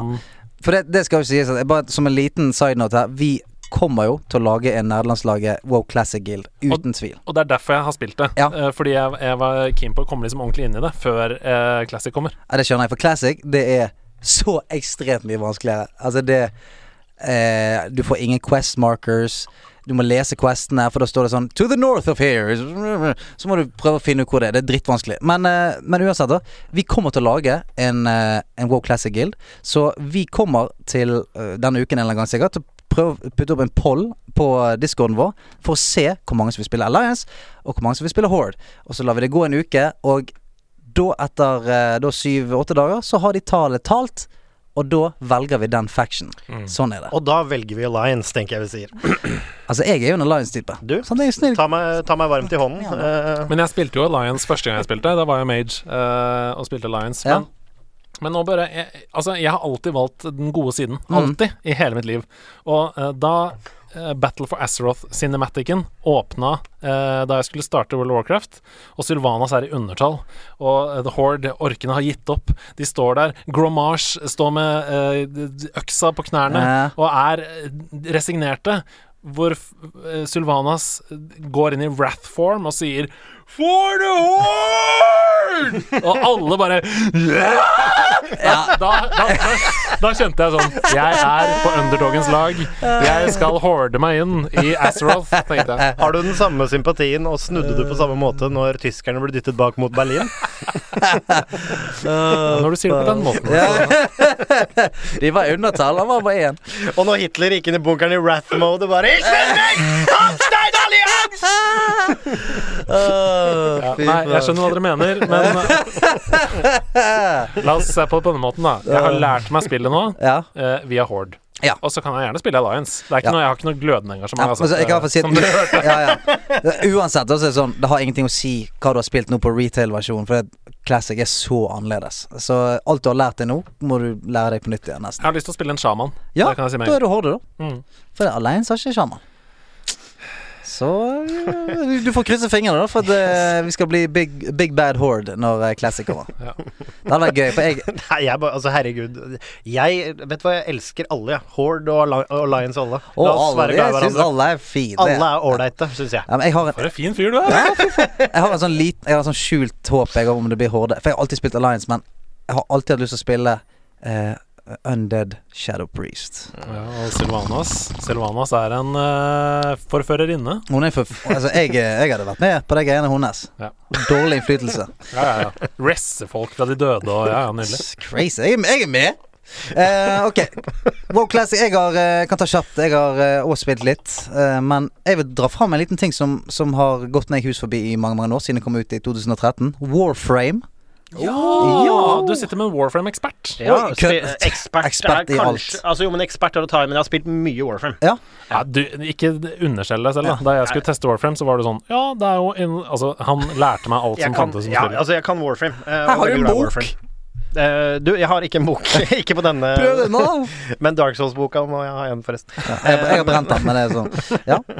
Men ja, du, uh, men du er jo i gang. Altså, det er jo ganske selvforklarende. Det jeg syns er utfordringen med Warframe, er jo å skjønne Fordi spillet er uhyre lett eh, i starten. Og det er sånn du føles Altså, men du bare ninja-flipper deg gjennom, og det er egentlig veldig behagelig, men det, det tar altfor lang tid før det blir en utfordring, hvis ikke du helt vet hva du skal gjøre. Men der går det an å se noen YouTube-videoer. Men jeg elsker det spillet, egentlig. Um, Uh, nå har jeg dette av, da, men jeg har sikkert klokka 80-100 Ja. Ikke 800, men 100 timer, tenker jeg. ja, for jeg har spilt det nå fem timer. Fikk opp achievement. eh, Fem timers spill. Mm, Gratulerer. Ja, nei, nei, nei. nei men sant, og, og eh, jeg er ganske bitt av Basil, jeg, altså. Fordi at det er så smooth. Og eh, altså, altså Fight Altså hele um, battle mechanicsene er så smoothe. Ja. Så, og du kan Jeg har bare spilt én sånn um, Hvilken frame valgte du? Eh, Excalibur. Ja, å, du kjører Excalibur. Ja, så en frame er jo på en måte en karakter, da. Så nesten som i WoW. Du har en karakter som har uh, forskjellige abilities og styrke og alt mulig. Og jeg valgte en slags sånn Space Ninja-type som har uh, ninjastjerner og et sverd og full pakke. Men så kan du vel du, Altså, du kan bygge opp det Jeg lurer på om det har kommet 40 stykker nå. Ja, ja, så det er mange flere, men vel, de blir volta etter hvert, som det heter. da Så det er noen Altså, du vil jo ha prime-versjonen. er Ja. Altså, for de som ikke spiller det, så er det kjapt fortalt at du er egentlig bare en ting som er inni en drakt, og warframen din er liksom deg. Du kan ha så mange warframes du vil, men de må du liksom skaffe deg, eller bygge. Ja, så må eller du levele opp de og Ja. alt mulig. Ja, så du, du må uansett etter hvert ha flere, ellers så stagnerer du jo. Men det handler om å finne de primed-versjonene. Men de blir volta, som det heter. Så de blir umulig å få tak i Ja. etter et tidspunkt. Så det er en ting som jeg elsker med Warframe. Det er sånn Noen ganger så henter de ut en fra Volt, men jeg da som har en Loki Prime, da eh, Loki, altså. Den dødsgudet. Uh, eh, ja, en Loki Prime Warframe, ikke sant. Og det er, det er et hedersbetegnelse du kan bære. For, fordi den Du får liksom Altså, du, ja, du kan gå inn i markedet og sånn og prøve å skaffe deg bitene, men da må du ut med store in game cash. Ikke ekte cash, men in game cash. Og det Ja, så er det god følelse. Ja, og så har de- lagt det opp sånn at du, du trenger det, altså det er ikke noe pay to win der. Altså, du kan kjøpe deg noen fete frames og sånt, men alle kan du få tak i, og du Ja. kan grinde alle, og så lenge du ligger en time, så kan du få tak i alt du vil der Ja. inne. Og eh, jeg koser meg som faen med deg. Jeg er har en pil og bue som jeg stuper rundt i slow motion med, og gønner folk i hodet. Og eh, Nei, vet du hva, så eh, Kort fortalt, jeg liker det, og vil anbefale folk som ikke har eh, plukket det opp, til å bare teste det i en fire-fem timer, for det, det er deilig å spille, altså. Og ikke Dette er gratis. Eh, Ja. eh, spillet er gratis, eh, men det har jo en distinkt timer på mye. Det er et spill som følger den litt gamle mobiloppskriften av å sette ting på Å crafte noe, for Ja. tar tolv timer, da. Eh, og så kan du selvfølgelig bruke en currency der til å speede opp det.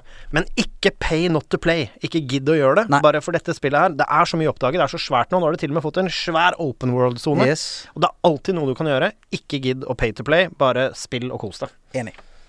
Det er det vi har spilt siden sist. Vi har spilt masse, men det er de, de tingene vi ville snakke om. Den er god! Den er grei.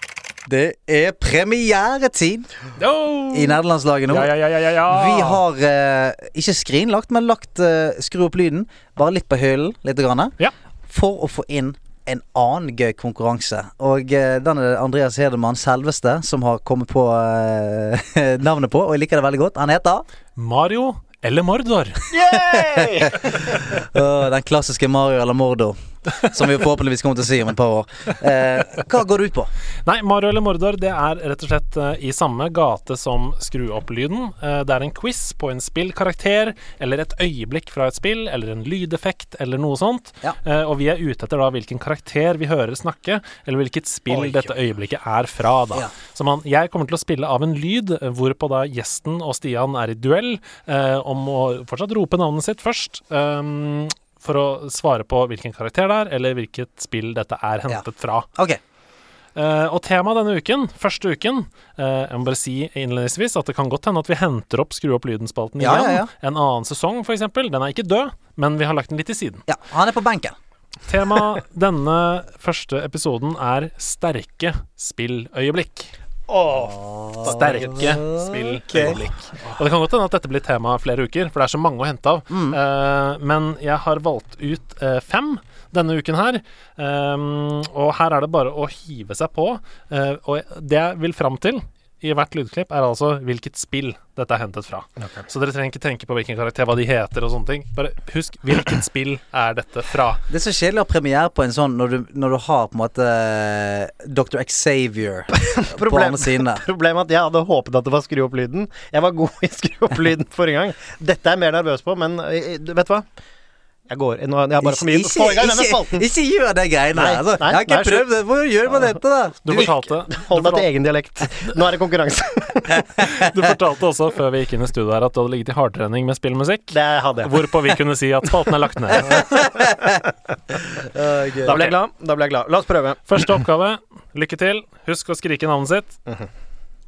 Who are you You chose to walk away, but in other oceans, you didn't. You took the baptism. And you were born again as a different man. It all has to end to have never started, not just in this world, but in all of ours. Smother him in the crab. Smother, smother, smother, smother, smother. Å, så sånn! Fuck. Um, Å, dette vet jeg. Åh, det ligger en nerve i studio her nå. Um, jeg, jeg må bare huske på hva det heter. Jeg ser at Stian er redd. Eh, det heter så mye som Helvete. Jeg kommer ikke på hva spillet Stemmen skjelver. Um, Smother him in the crib. Hvor lang tid har jeg på å komme på dette navnet? Hvis, jeg ikke, få- foreslår, hvis jeg ikke foreslår noe, kan jeg, er jeg fortsatt med?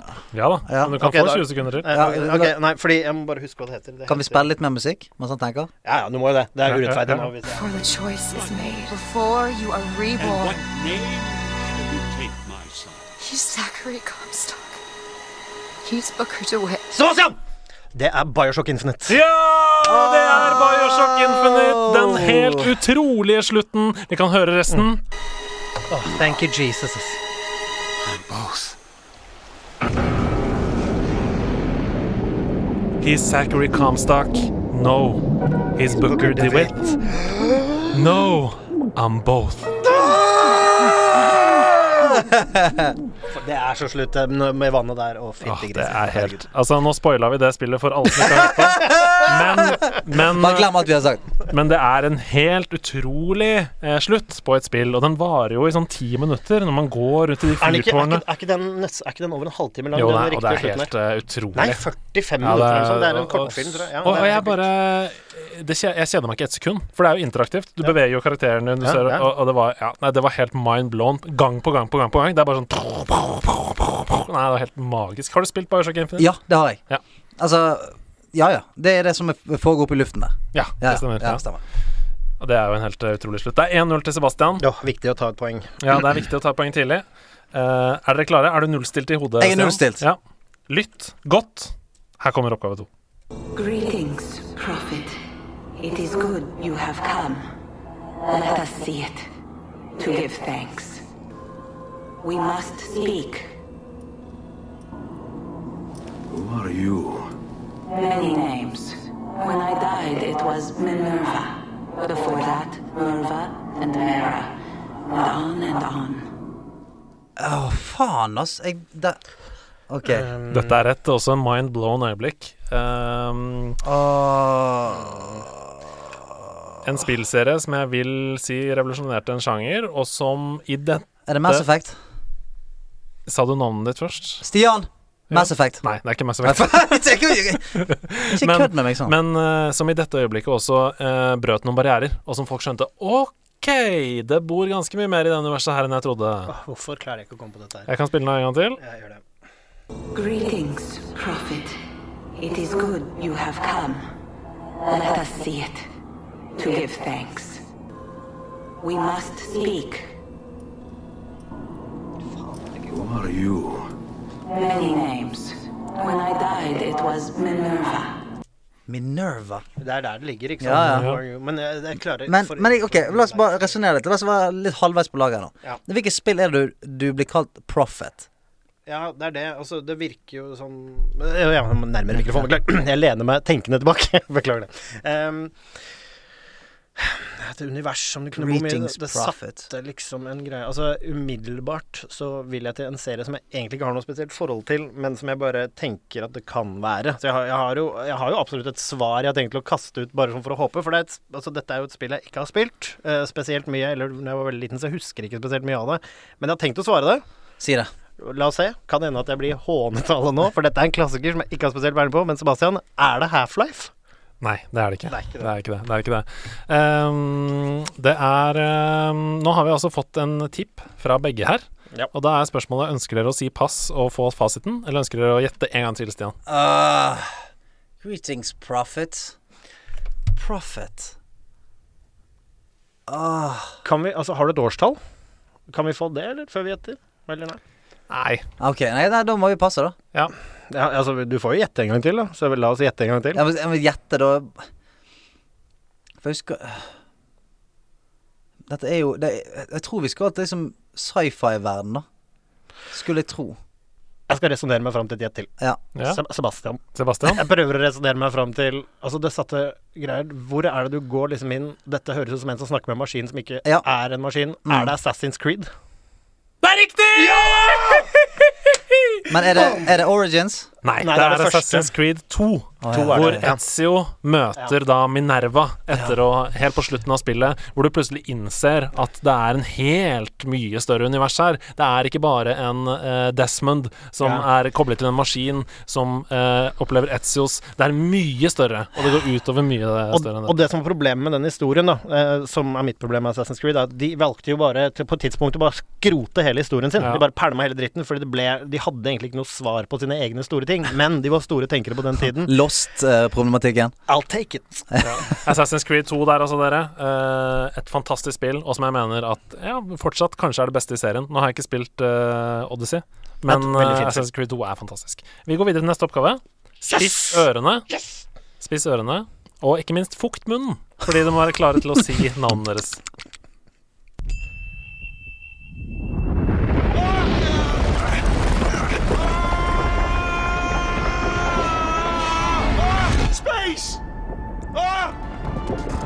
Sebastian! Det er Portal 2. Det er riktig! Det er Wheatley når han går opp in space! Steven Merchant. Let go! We're in space! Space. Ah, let go! Let go! I'm still connected! I can pull myself in! I can still fix this! I already fixed it. And you are not coming back. Oh no! Change your plans! Hold on to me! Tighter! Ah! Grab me, grab me,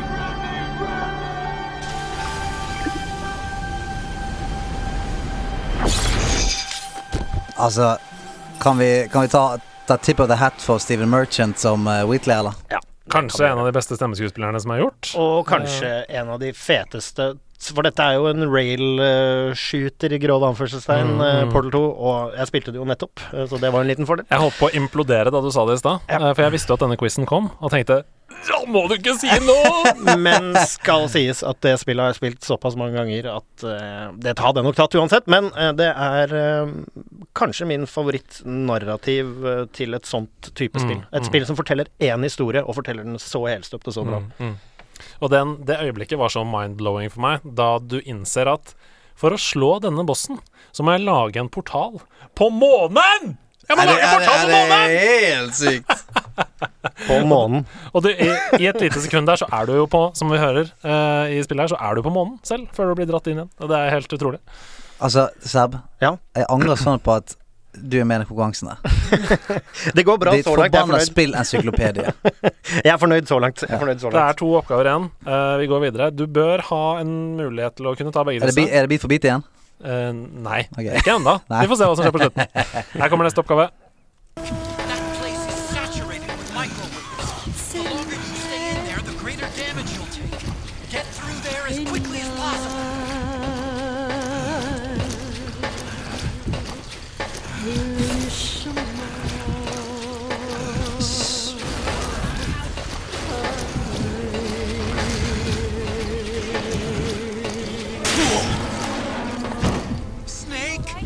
Stian! Jeg tror jeg faktisk Stian var først. Uh, Metal Gear Solid. Ja, det stemmer, men hvilket? Mm. Fy banna, det. Altså, det, eh, du har fått poenget. Nei, nei, nei, nei, Eh, jeg vil ikke ha poeng hvis jeg ikke klarer det riktig. Men uh, Er det fire? Det er riktig! Den er sterk. Den er Den er god. Den er god. Det er Metal Gear Solid 4. Fire. Når Solid Snake eh, må dra seg gjennom denne gangen Ja. av mikrobølger. Ja, Eh, men det- faen, jeg, jeg klarte ikke å, å, å bare håpe det er riktig Ja, ja, ja. Nei, det var bra. Eh, og det er jo sånn Og det er jo klassisk Kojima-moment. Her er det altså noen som har lagd en gang av microwaves som koker deg da fra innsiden. Som Solid Snake, som har vært gjennom en eh, rask aldring, ikke spør, eh, må dra seg gjennom. Eh, og du føler det så intenst som spiller, og du må presse trekant som du aldri har pressa trekant før for å få han gjennom det. Og han faller ned på kne og drar og drar, og huden begynner å koke, og du ser eh, HP-en går ned til null. eh, Og så begynner liksom mental styrke å gå nedover, så du skjønner at han har ikke noe liv igjen. Han bare drar seg gjennom på ren willpower. Det er et fantastisk øyeblikk. Det er veldig sterkt. Eh, eh, og han greier altså å komme seg gjennom denne microwave-gangen mm, og slå hånda på denne knappen da, på andre siden. Så det er helt utrolig. Snake, ass. Mm. Og Hideo Kojima, er det noen her som gleder seg til Death Stranding, eller? Å, fy Ja. faen, jeg gleder meg. Men jeg vet da faen hva det er for noe. Nei, nei, men det er jo det som er så fint. Men jeg, jeg er med. De, de, de, han- de droppa nettopp bomben for ikke så lenge siden om at ja, du kan bygge ting her også. Ja, nei, ja, det det, kommer til å bli drøyt. Altså det spillet, og Heartman, som er den siste karakteren som er Ja, ja, annonsert, ja. som altså dør hvert 21. minutt. Tenk deg det livet. Ja. Og det er helt Den, den uh, cinematicen som ble sluppet, hvor han sier sånn You can do many things in 21 minutes. Og så har han er godt sagt. Han har en hel sånn uh, stabel av bare kortfilmer som kun varer i under 21 minutter, Ja. f.eks. Litt ekte contentum. Ja. Jeg skjønte ikke hva det var. Det var creepy. eller- Heartman, Heartman som dør i bakgrunnen. Det var en T-rex som brølte utenfor vinduet her nå. Ok, dere. Det er 3-1. Mhm. siste, siste oppgaven har vært tre poeng. Det er Ja, men ja, det får vi sånn er det se. Det får vi se. Kommer an på hvem som tar det. Ok, Ok. Lykke til, dere to. Remember what you said before? I'm always with you too. Stian. Kingdom Hearts. Det er riktig! Men jeg vil ikke ha tre poeng. Det Jeg vil ikke ha tre poeng Jeg vil ha ett og et halvt, sånn at du akkurat slår meg. Så Jeg tar ikke de billige poengene. Så da er det 3-2 og et halvt. Ja. Her kommer hele øyeblikket. Ja. to you. I promise. Men hvilket Kingdom Hearts? I know you will. Det er altså Kingdom Hearts 1, eh, når Sora og Kairi møtes igjen etter at Sora har vært eh, vekk fra Kairi, eh, bare for å innse at de må rives fra hverandre igjen. Det er et veldig sterkt øyeblikk, eh, og avslutter da altså Kingdom Hearts 1. Faen, Zora, ass. For en fyr. Kingdom Hearts 1. Altså. Jeg, jeg grin, gråter alltid litt grann i begynnelsen. Mm. Syns det er så fin musikk. Men dette var en veldig jevn fight. Det var en jevn fight. Eh, det det blir fight. altså, hvis vi skal bruke ekte poengskala, så blir det 3-2 Ja. til Sebastian. Det. Hit med Det lanken. shakes hands. Det shakes hands. Det shakes shakes hands. Det er en, dette var eh, en gøy konkurranse. Jeg er lettet for at jeg vant. Og vi har introdusert en ny spalte. Ja, vi har det. Det er Mario eller Mordor. here, here to stay.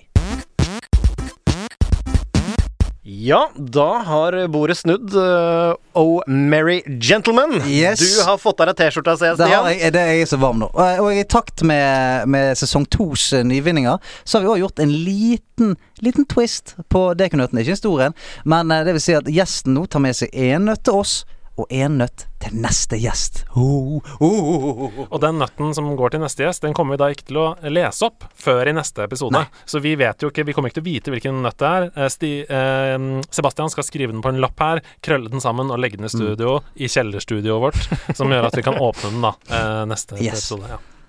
Da er jeg klar. Ja. Er dere klare for nøtt? Ja, ja. Ja. Ukas nøtt er er eh, Dere samarbeider her, eller er det konkurranse? Ja, ja, Ja, ja, ja. bra, bra, bra. Kan, jeg, kan jeg svare før du stiller spørsmålet? Ja. Jeg tipper det er 53. Ok, kjør. Da er vi i gang. Da er vi i gang.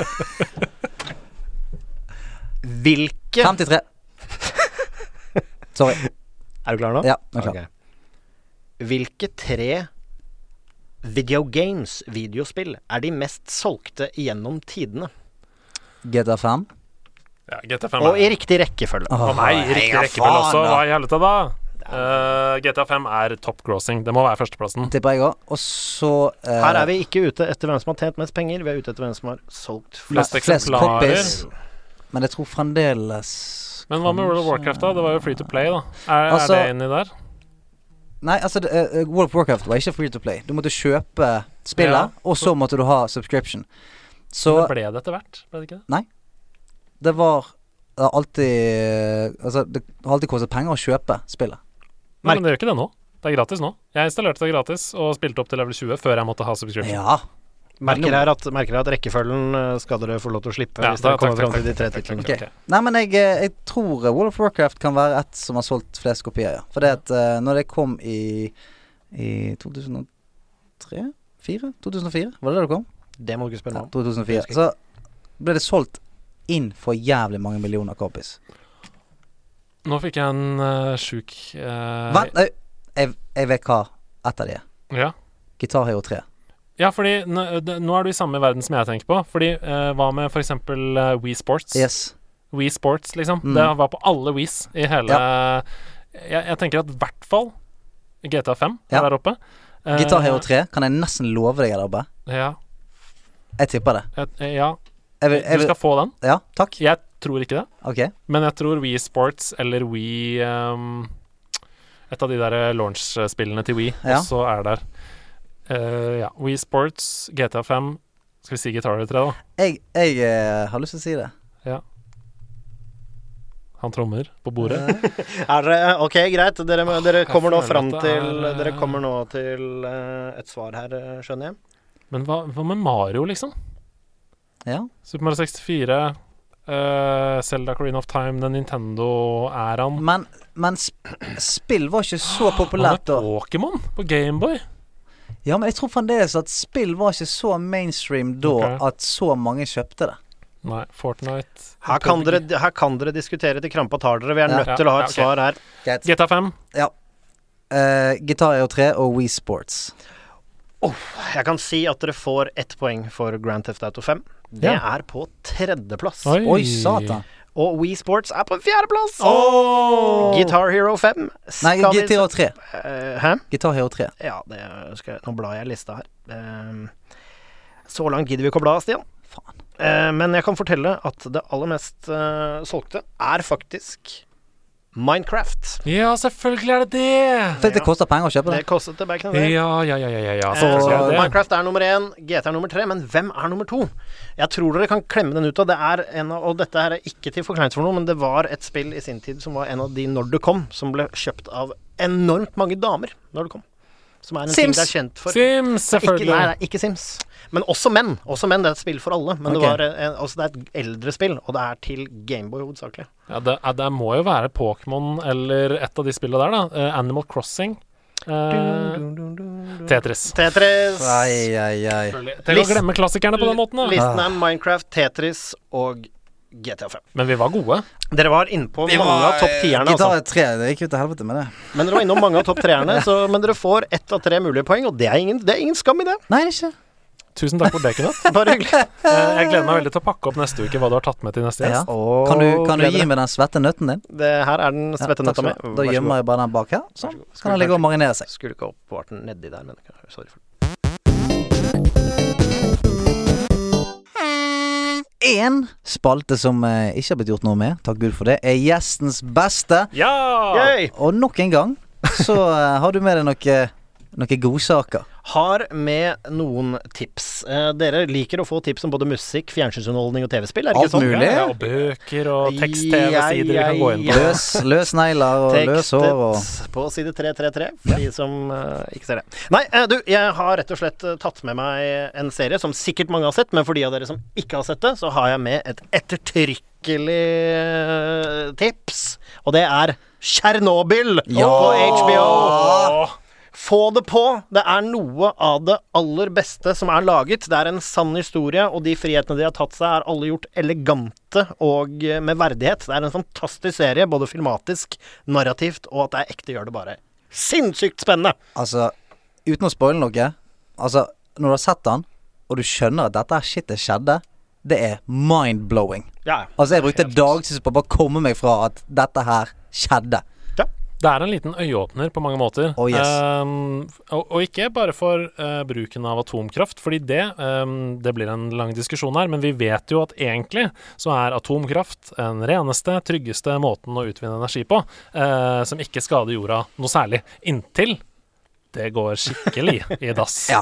Og da går det så veldig i dass òg. Altså, veldig. Jeg må passe på spoileren her, men det er vel ingen Ja. hemmelighet at Tsjernobyl er vel ikke kjent for at det gikk så bra, kanskje.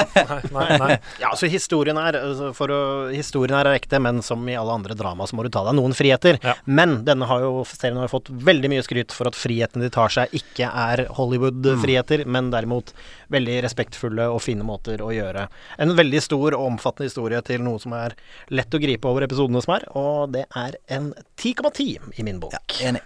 Det er jo HBO-kvalitet. Eh, alt er polished, eh, og alt er brukt Pengene er brukt der de skal brukes. Yes.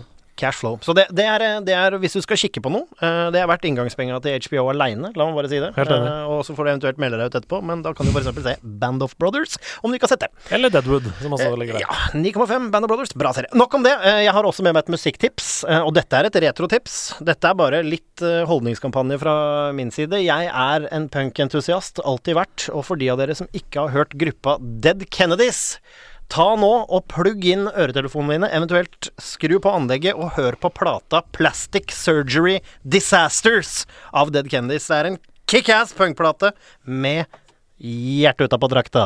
Men eh, hvilke spill eh, går Dead Kennedys godt til? Uh, oh, det er en type Det kan du høre på hvis du er litt uh, gira og skal spille ting som girer og hyper deg. Competitive shooters hvor du ikke trenger å kommunisere med noen. Blast noe Kennedys på anlegget. Doom, for eksempel. For eksempel Doom. Uh, og uansett, jeg vil også uh, Dead Kennedys høres i første, første ørekast kanskje ut som noe voldsom krøst uten bak eller fram, men få med deg tekstene til Jello Biafra. Han er en fantastisk tekstforfatter, og han skriver jo veldig politisk, og det er veldig mye der som Selv om det er skrevet på 80-tallet, så er det går det rett inn i vår tid i disse Trump-dager. Så punk-bølgen, hiv dere på! Brenn bh-ene, brenn eh, suspen. Velt noen biler! Velt en bil! Ikke, det kan jeg ikke oppfordre til. Det er straffbart. Ikke velt. Velt en bil! Kom igjen. Vi snakka jo om i den ene sommerspesial, sommerspesialen om at vi nesten ble punkrockere av å spille um, Tony Hawk Ja, Pro ja, ja. Skater. Uh, og dette er vel kanskje et, eh, et soundtrack du kan sette på hvis du er lei av alle sangene i Tony Hawk Pro Skater. Og jeg tror også, hvis jeg ikke husker helt feil, så tror jeg låta Winnebago Warrior av Dead Kendis, som er fra plata Plastic Surgery Disasters, er på Tony Hawk, hvis ikke det er 100 feil. Oh, ja, ja, ja, ja. Så dette her går alt Her går alt hånd i hånd. Og spilltipset har vi snakket så mye om. Jeg har lyst til å kaste ut uh, tipset og spille Odyssey. uh, fordi Assassin's Creed Odyssey også. eh, for det, vet du hva, Assassin's Creed fortjener igjen en sjanse. De har virkelig gått all out til å bygge en svær, åpen verden eh, som lever, og som er kul og herlig og fri og fet. Spill det spillet. For å oppsummere, det er Dead som er Plastic Surgery Disasters. Og så har vi selvfølgelig Chernobyl på HBO. Få med deg fort som svint. Bare kose seg med den. Og så eh, må vi alle sammen nå ta og plukke opp Assassin's Creed Odyssey og gi det en sjanse til.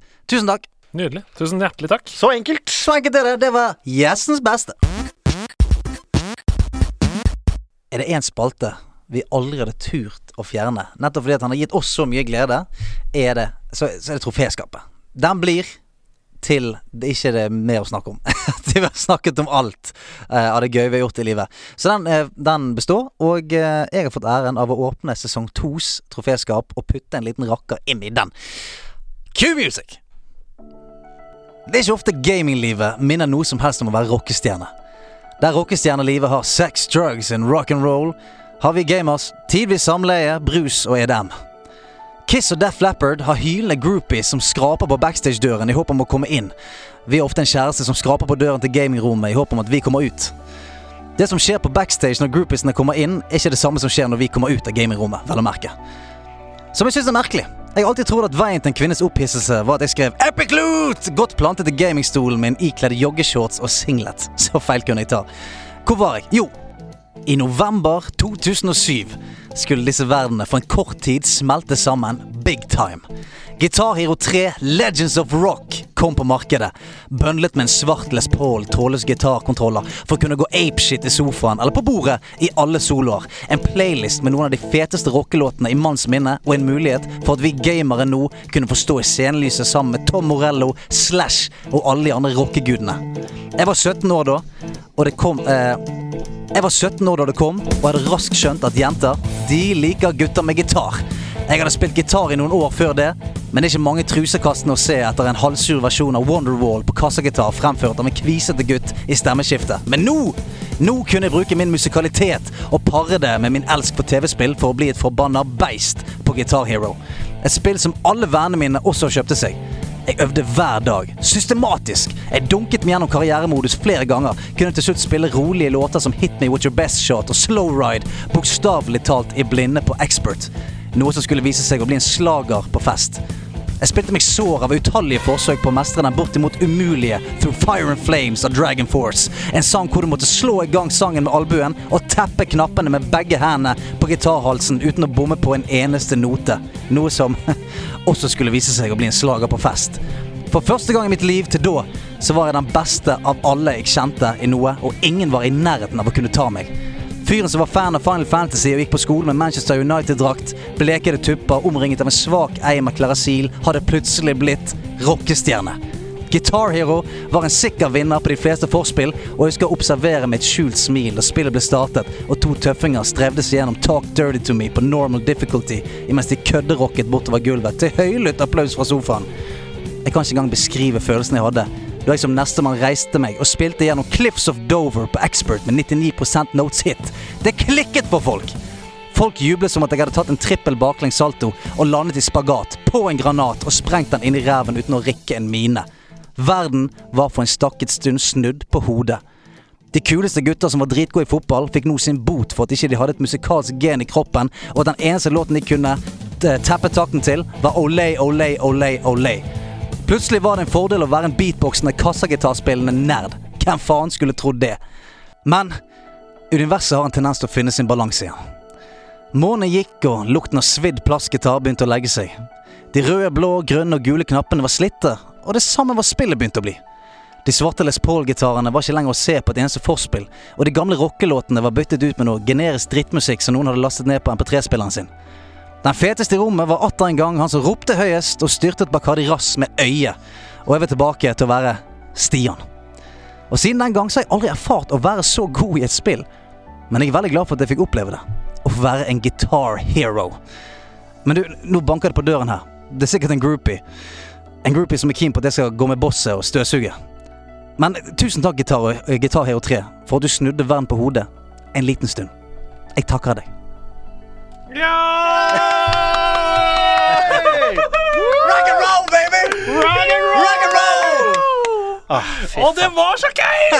Fy søren, jeg spilte så mye Guitar Hero. Oh shit, det var gøy, ass. derfor du snakket om det i, i tekenen. Ja, for det, det, når jeg tenkte på det, så, så mener jeg å huske at i 2007 når det kom, så var jeg tror det i hvert fall i det året var det mest selgende spillet Ja, i ja, verden. ja, ja. Det er sikkert riktig. Jeg Ja. elska Guitar Hero! Å, fy søren, jeg elska det! I kjelleren til Martin Hugo, og det, vi flippa den høye Finnes, finnes Martin Hugo? Ja, ja, ja. men, men Eirik Lensund han fins, og jeg regner med at du dro noe riff i kjelleren der òg. Å, fy faen. Og toplayer to player også, ikke sant. Ja, ja. Man følte seg som et band. Og, faen, Det er så fett. Og da har det begynt å komme flere instrumenter. Og du spiller ja, trommer, ja. Bring Guitar Hero back! Please! Ja, men vet du hva? Make Guitar Hero great again. Fordi Ja. det var et fantastisk kult spill. Og så en, for en fet måte. Vet du hva, Det tror jeg verden er klar for igjen, hvis man hadde vampa opp det igjen. ass. Ja, for det nye, De ga ut en dytt, et Guitar Hero Live Ja. som eh, døde etter eh, fire måneder. Altså Det var ingen som spilte det, og eh, de hadde en ganske sånn kul funksjon. Sånn Guitar Hero TV. Du kunne bare gå inn på eh, online-funksjonen, og så var det en slags MTV som bare spilte, og så bare heiv du deg inn, og så spilte du det som ble, som ble spilt. Som var dritgøy. Men nå har de lagt ned den tjenesten der, for de har sikkert mistet lisensen til alt og mulig. Så nå kan du kun spille sånn karrieremodus. Eh, Deilig. 40 sanger som ingen har noe særlig forhold til. Så du er faktisk en av de gamle, glemte Guitar Hero-virtuosene, skjønner du. Altså, Det er det som er historien din. Ja, det er det. Ja, Tusen takk for et fantastisk troféskap. Så vakkert. Så vakkert. Og så, tri og så, tri og så, så trist og vemodig, men akk så vakkert.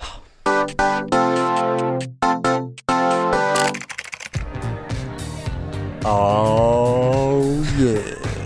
Jazzbandet har blitt kastet ut, den røde luren har blitt revet ned fra veggene, og spillklubben har fått seg en eh, etterlengtet oppussing, rett og slett. Mm, det er deilig å være her. Ja, og det er funky her nede nå. Vi har flyttet oss ut av jazzklubben og inn i Funk It Yes, det er en diskokule som spinner her. Ja, du, har, du har veldig slengete bukser. Veldig. Altså, De slenger hele veien bort til veggen her nå. Og det er noen folk som står på rulleskøyter ute på dansegulvet her. Jeg visste ikke at du hadde fått afro, Sebastian. Det har jeg alltid hatt. Det er luftfuktigheten som gjør det. What up? Nei, vi har eh, Vi er jo veldig glad i spillklubben. Hva har du i glasset? Du, jeg har en, eh, en Sex on the Beach. Har du det? Hva Ja. har du i glasset? Du, jeg har bare tatt meg en bolle med chips med datasmak.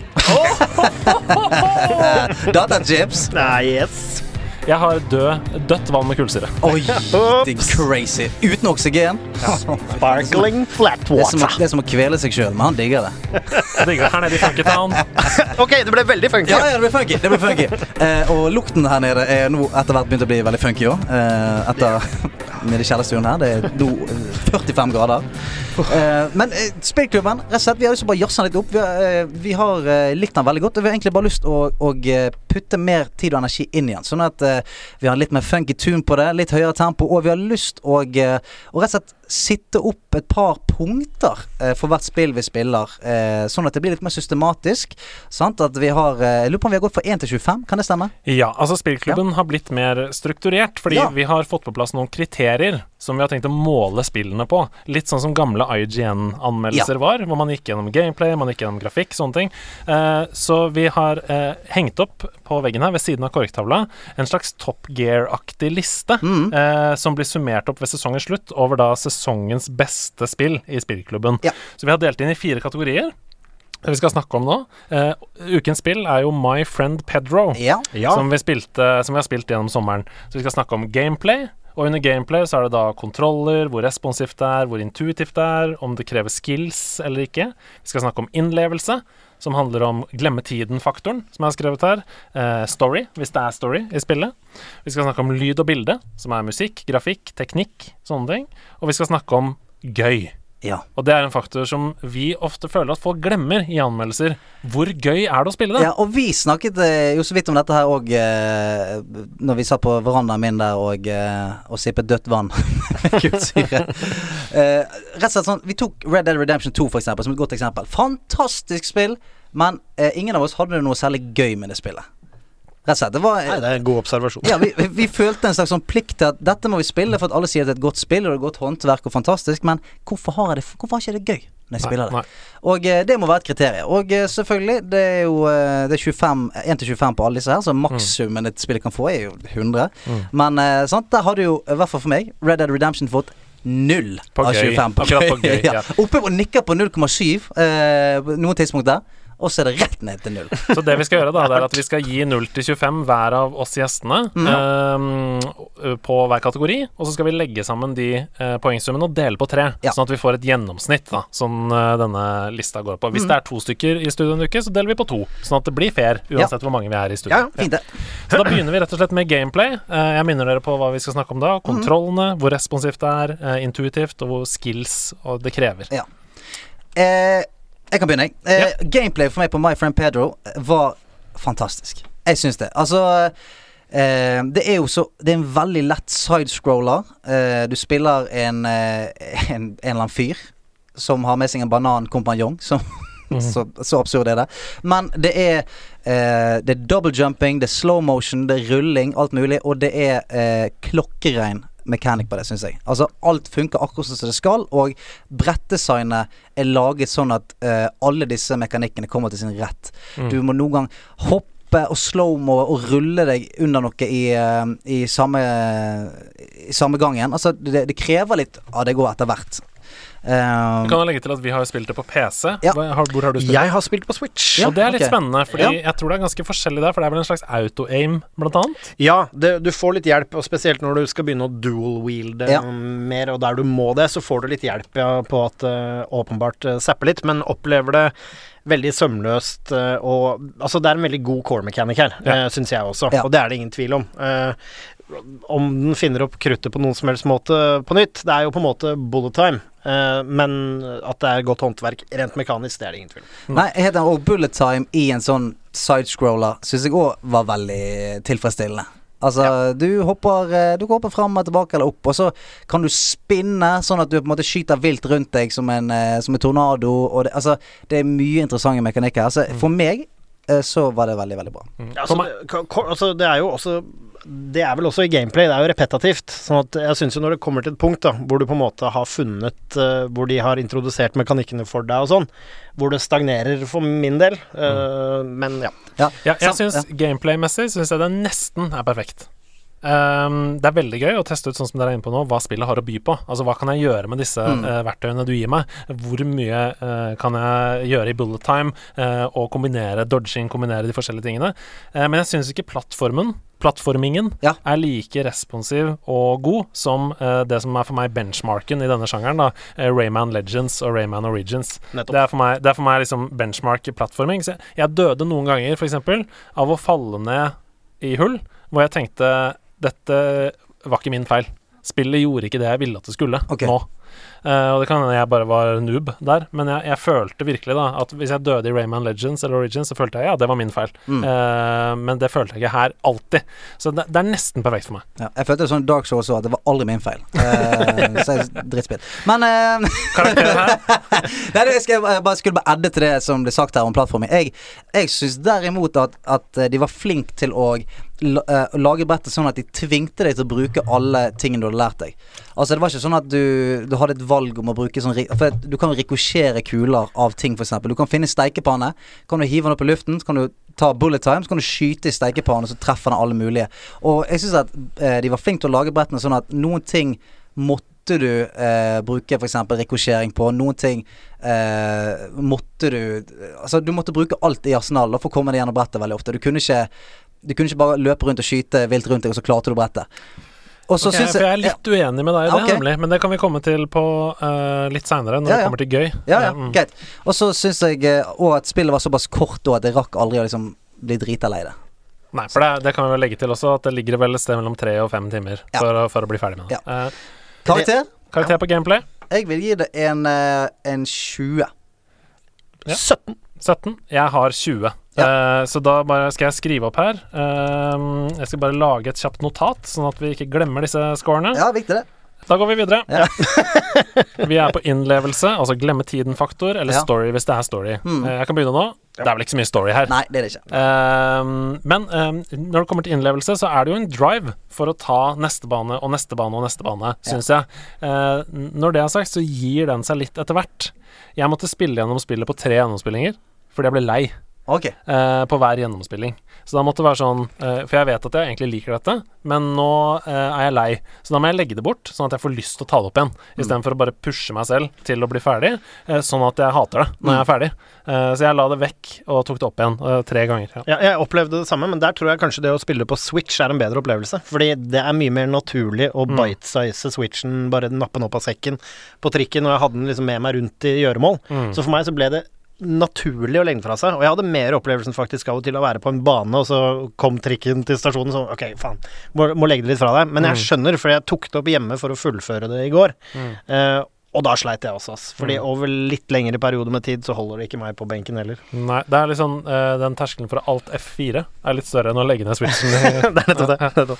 Nei, jeg uh, uh, Altså, jeg er veldig enig, eh, men jeg prøver bare å komme med et litt sånn eh, motpunkt her òg. For det, eh, jeg, jeg syns at storyen er jo fraværende, ikke noe særlig story. Men jeg syns at den absurditeten som de, eh, de eh, på en måte introduserer til spillet, med at Mm. du har den bananen som driver og prøver å vitse, og, og brettene som plutselig er bare et skikkelig En, en syretripp av et brett. Mm. Altså, det klarte i hvert fall for meg da å holde det interessant, fordi at det kom små drypp hele tiden av en sånn eh, Av noe, da.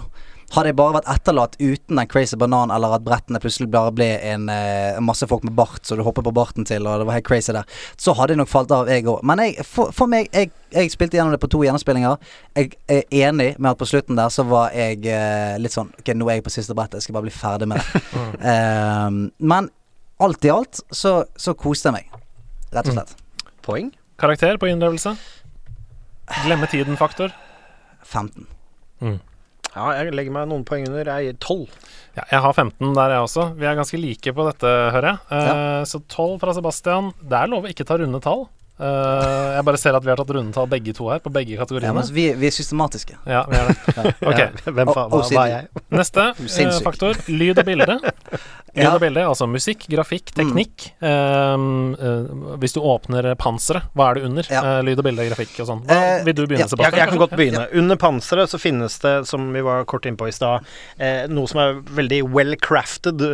hva, hva blir det på norsk? Velgjort, eh, rett og slett. Eh, men for meg så er det en one trick pony. Eh, så på den måten så syns jeg ikke det er nok under panseret. Det er en veldig fin bygd 1,2 liter der, men det er ikke en uh, tolvsylindra monstermotor som kiler meg veldig over lang tid, som kan suse meg nedover hele autobanen i 18 timer, og det kiler Mm. fortsatt i pungen. Men det som er gjort, er gjort veldig godt. Ja, nei, jeg, eh, jeg har skrevet eh, fantastisk deilig elektronisk musikk. Har jeg skrevet Som driver deg framover med pumpende rytme. Det er litt som eh, de andre spillene til Devolver Digital, f.eks. Um, eh, Hotline Miami. Litt sånn samme musikkspor som det. Deilig. Jeg liker det godt, og det gjør at jeg har lyst til å fortsette å være der. Mm. For jeg føler liksom sånn Nå må du komme deg gjennom Ja, ja. banen, du må drepe noen Andreas, du er veldig flink, veldig flink å skyte. Der kommer jo mitt Switch-aber igjen for en annen plattform, fordi spiller du Switch, så spiller du ofte uten lyd. Ja, det er sant. Eh, Du har sånn Ja, eller når du har det og du ikke har øretelefoner i, som jeg faktisk opplevde mye, så var det, var det mer Jeg, jeg anbefaler veldig å spille det med hodetelefoner, Ja. eh, spesielt i bullet time. Når det, Ja, det er en sånn fett. deilig følelse Ja, ja. eh, i headphonesen her. Eh, og jeg syns utseendet er veldig kult. Jeg syns den graf grafiske stilen er kul eh, og annerledes. Um, og jeg syns det tekniske sitter. Det var ingen frame drops, for eksempel, Nei. hos meg i det hele tatt. Og jeg spilte det på høyeste uh, innstillinger. Ja, og og, og, og tidvis er det mye som skjer. Altså Uten å Ja, ja, ja. for mye, men brettene blir noe annet, og det skjer Det, det er craziness på et tidspunkt. Uh, Og uh, musikken for meg Jeg har digget den veldig i begynnelsen, for du fikk det der Eh, altså Med en gang jeg ble, ble, introdusert til spillet, Så var jeg sånn Å, fy faen, så fett. Og musikken. Jeg følte meg som superstjerne. Men etter hvert så syns jeg han begynte å bli litt enerverende. Ja, litt sliten. Ja, sånn at det eddet på toppen av det der. Sånn nå, nå kan jeg bli ferdig. Og så har du liksom Det er sånn Ja, jeg prøver å bli ferdig her! Du trenger ikke Jeg prøver. Q-bananvits, og la oss være ærlige. Den bananen, den er swing min. Men ja. Jeg, jeg hiver. Bananen som snakker. Banjo Kazooie eh, Nei, så jeg òg syns jo at, eh, at alt er gjort veldig bra, men så er det på en måte Jeg, jeg må bare hive meg på det som ble sagt her. Det er ikke Det er verken en bil for langkjøring eller for på en måte å flotte seg. Det er en bil som er kul å teste en runde rundt lokalet, liksom. Og så sier du fet bil'. Så Fet bil. lyd og bilde. Lyd og bilde. øh, Jeg har klar, så jeg kan gi mens du Ja. tenker. Nei, du, jeg, eh, jeg syns at det er kult, uh, men så på en måte det, det gir ikke meg mer enn at det, det er kult å høre på når jeg skyter noen, så eh, Ja, det blir, det blir jo en eh, 14 for meg, da. 14, ja. Litt over midt på treet, for det er jo 12,5. Ja, jeg svinger litt opp. Det er en god gammeldags oppsuppa Volvo 240, det her. 15. 15, ja. ja. Jeg skal helt opp på 21, jeg. Oi, oi, oi. Jeg syns det er eh, Jeg ble aldri lei av zukakaka, zukakaka, zukakaka. Jeg likte det veldig godt. Så jeg ville eh, jeg, tror kanskje jeg liker soundtracket bedre enn selve spillet. Ja, ok. Eh, men jeg er også veldig glad i elektronisk musikk, da. Ja. Det kan sies. Ok, Neste og siste kategori. Gøy. Og det sier seg selv. Hvor gøy er det å spille det? Skal jeg begynne? Ja. For her er kanskje det mest overraskende for dere for min del. Jeg syns ikke det er så veldig gøy. Ah. Jeg syns ikke My Friend Pedro er så veldig gøy. Jeg syns det er litt over middels gøy. Så det er ikke din venn? Nei, altså Nei. når den innledende fryden da over det bullet time og skyting og alt er fett og jeg kan gjøre ting Når den innledende fryden har gitt seg, så syns jeg det blir veldig repetitivt. Uh, første halvdel syns jeg er gøy. Og så syns jeg det stopper når spillet blir mer plattform og mindre flytende. Når det ikke er sånn Nå kan jeg flyte gjennom banen nesten i ett, men jeg må stoppe opp og trykke på noen knapper for å lage noen heiser og sånn. Da syns jeg det slutter. Eh, og bare sånn For å ta et eksempel på det, sånn ca. 60% inn i spillet så fikk jeg opp sånn tips fra Pedro nede i venstre hjørne. Banan. Hvor det var sånn Du kan trykke på shift for å få bullet time. Og da kom jeg på sånn Å, shit, jeg har ikke brukt bullet time på tre baner. Oi. Fordi, eh, motsatt av det du sa i stad, jeg har bare løpt gjennom banen. Jeg har bare drept alle folk bare for å komme meg til mål. Bare for å bli ferdig. Eh, og det er for meg et tegn på at jeg ikke har det så veldig gøy. Mm. Når det bare er som en sånn Vi har snakka om i Red Dead også, en sånn liste med chores du må gjennom. Jeg skal drepe de folka her, jeg skal komme til mål bare for å komme videre i spillet. Eh, så langt gikk det at jeg fikk da tips da om at nå, du kan bruke slow motion. Ja, hei, husker du, du? eh, husk Ja. det er kule ting i spillet. Husk det. Det er alltid et godt tegn. Ja. Det husker Visste du at du kan bruke hvis, Hei, har du glemt at du kan bruke core-mekanikken? Det som gjør spillet kult. Nei, så jeg, jeg syns ikke det er så veldig gøy, okay. for å være helt ærlig. Wow. Uh, nei, jeg syns det var veldig gøy. Eh, jeg koste meg nok fram til For jeg fikk Jeg møtte Jeg møtte ikke gradvis-veggen, jeg møtte veggen veldig sånn på siste brettet. For da, da krevde det ganske mye, og da døde jeg ganske mye. Og eh, det var kun, kanskje bare det siste brettet der jeg, eh, jeg ikke hadde det gøy. For da var det bare Jeg skal bare bli ferdig med driten. Men fram til det, jeg må innrømme, hadde det dritgøy. Eh, koser meg veldig med det. Ja, øh, jeg kan er nok mer på Hedo-sida her. Kanskje dere bare gifter dere, da? Eh, jo, men eh, det er planen. Men nå er han allerede gift, så det blir en lang skilsmisseprosess og, og sånn. Men det tar vi senere. Ja. Eh, mitt poeng er at jeg sitter og spiller det, og i starten så er jeg også veldig underholdt. Mm. Jeg liker veldig godt pakka her. Eh, det er litt spennende med bananen, det føles lekent. Her er det god core mechanic. Er det lov å si? Eh, Det er spennende med banan det føles lekent? det er lov å si. Det er, det er 2019. Eh, men uansett så kommer Sakte, men sikkert så går det opp for meg at eh, som samme som eh, Andreas nevner her, at det er ingenting som driver meg her. Den, det er ingen historie. Um, I tillegg så Verden som bygges, bygges ikke. Jeg bare er en fyr som hopper rundt og skyter folk, og til tider så er jeg ikke det heller. Jeg er bare en fyr som kommer meg fra A til B. Uh, og så begynte jeg å veie det opp mot uh, Superhot, som er et spill som jeg bare Superhot. Superhot. som er, som er et spill som jeg elsker, og som til og med i sin supersimplistiske natur klarer å fortelle en historie. Nå er det forskjellige mechanics der, men de er veldig i slekt, øh, vil jeg si, og i hvert fall i hva du kan fortelle. Og der er det liksom i hvert fall muligheten til å fordype seg. Det er det ikke her. Så til slutt, eh, eller ikke til slutt engang, jeg vil si kanskje i løpet etter en time, en og en halv, så sitter jeg og er ikke underholdt. Jeg har det ikke noe gøy. Um, så jeg har det gøy til den graden at ja, jeg hopper og skyter til tider, og oi, der fikk jeg til noe kult. Men det var skikkelig lackluster for meg, og jeg hadde ikke anbefalt det til en venn. Oi, helvete. Dere, dere er harde, altså. Nei, men altså, Jeg, er, jeg, jeg merker at jeg er en enkel sjel. det er ikke det at det er et Det er ikke det at det er et dårlig spill. Det er et eh, morsomt spill, eh, men jeg hadde det ikke så veldig gøy. Altså, det er et bra spill, det er det jeg prøver å si. Eh, Det er ikke sånn at jeg lander på Hvis jeg skulle anmeldt dette, så ville jeg ikke gitt det tre av ti. Skjønner du hva jeg mener? Nei, nei. Jeg tror jeg aner liksom på rundt sju av ti. Det, er et- det er et bra spill, men jeg hadde det ikke så veldig gøy. Jeg tror det er gøyere for andre, og jeg tror det er gøyere f.eks. For, for de som har lyst til å komme høyt opp på toppscore-lister, som har lyst til å få mest mulig poeng, uh, som har lyst til å finspille spillet gjennom flere ganger eh, for å bli best mulig. Jeg har ikke det behovet. Jeg spiller gjennom det én gang, og så er jeg ferdig. Og da kan det godt hende at det ikke egentlig er for meg. Det kan godt hende. Ja. Ok, la oss rulle den 25-sidede terningen. Å, gøy, gøy-terningen. Uh, det er som Altså, jeg ordlegger meg hardt, som du legger merke til, men det er som Hedo sier, dette er ikke noe makkverk. Husk at Eh, midt på treet er 12,5. Uh, ikke sant, så midt på treet er 12,5, så her legger jeg meg Det får en 9. 9 ja. Oh, ja, okay. Ja. Under midten, ja. For meg, jeg vil gi det 19. 19, ja. Ja. Det er bra, det. 13 her. Geit Så da skal jeg bare regne ut disse tallene, og så kommer vi tilbake etter denne lille lyden.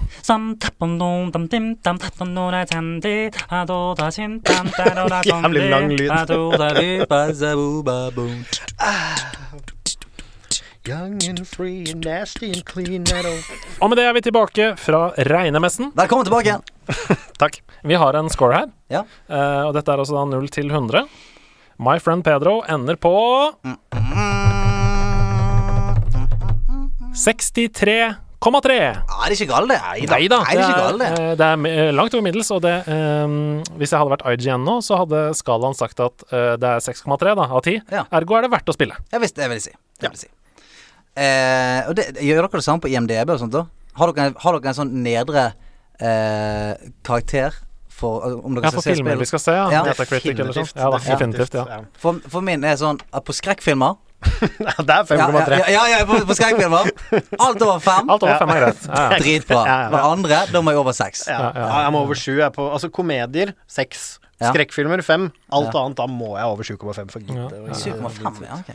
63 av 100 til My Friend Pedro. Du ser ikke en 6,3 dramafilm. Det er ingen som gjør det. Et kostymedrama på 6,2. Anna Karenina i New York. Vi har fått inn veldig mange tips til spill vi kan spille Ja. til neste uke. Og da er spørsmålet mitt eh, Nå har det vært veldig varm eh, prat om, om Assassin's Creed Odyssey. Mm. Eh, men det er et stort spill. Jeg tror ikke du får ordentlig inntrykk av det på fem timer. Eh, Du får Altså, jeg kan ha nettopp spilt det.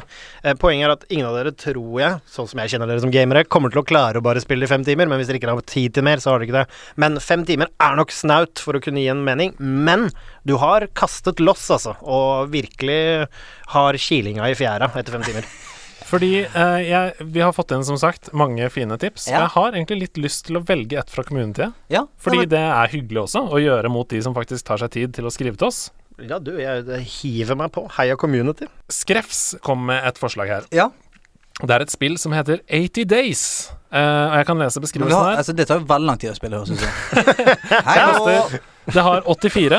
84 på Metacritic. Med andre ord er det veldig bra. Uh, og jeg har lest noen anmeldelser, og det tar ikke uh, Du kommer fint gjennom på fem timer. Okay. Um, 1872 with a steampunk twist. Phileas Fogg has wagered he can circumnavigate the world in just 80 days. Time Magazine's Game of 2014 and winner of the IGF Award for Narrative, now available on Steam. Choose your own route around the 3D globe, traveling by airship, submarine Så står det bare prikk, prikk, prikk, for jeg kan ikke lese mer av beskrivelsen. Men det høres gøy ut. Ja, ja. Ja, ja. Under 100 kroner, 84 på Metacritic, 80 Days. Ja, la oss gjøre det, da. Da blir det det neste uke. Vi skal eh, finkjemme 80 Days her i spillklubben. Vi skal rundt verden. En eh, glovarm eh, sending fra kjellerstuen eh, nærer seg slutten. Eh, litt trist, men også litt deilig, for nå Altså, eh, Andreas Hedemann kom inn med en eh, lysegrå T-skjorte. Nå er den blitt blå. Jeg vet ikke hvordan det skjedde, men eh, Ja, nå, nå er jeg ferdig. Nå er jeg ferdig. Men vi har spart en liten godbit til slutt til deg som fremdeles hører på. Fordi vi har jo sagt flere ganger at eh, velkommen til nederlandslaget. Det er bare å få på seg drakt når vi hører eh, vår nasjonalsang i bakgrunnen. Og så var det en som skrev til oss Vi må jo lage en nasjonalsang. Og det har vi faen! Og dette er så stas. Dere må bare holde dere fast nå. Eh, Dette er komponert og produsert av Even Røstland og Jarle Haktorsson. Det, Ah. eh, de jobber altså Even jobber vel som komponist til vanlig. Eh, Jarle har kommet med spillkompetansen inn her. Um, jeg har ikke lyst til å si så mye mer annet enn at vi kommer til å legge ut denne til nedlastning på Mhm. nerdelandslaget.com, som er vår nettside, og på sosiale medier. Stian og jeg kommer også til å skrive tekst til denne, sånn at man når i fremtiden vinner noe i spillet sitt, f.eks., så kan man sette på nasjonalsangen og synge for seg selv og prestasjonen. Er dere klare til å høre? Vent, jeg, jeg skal bare ta hånden på hjertet nå. Sånn, ok. Ok. Det er klar.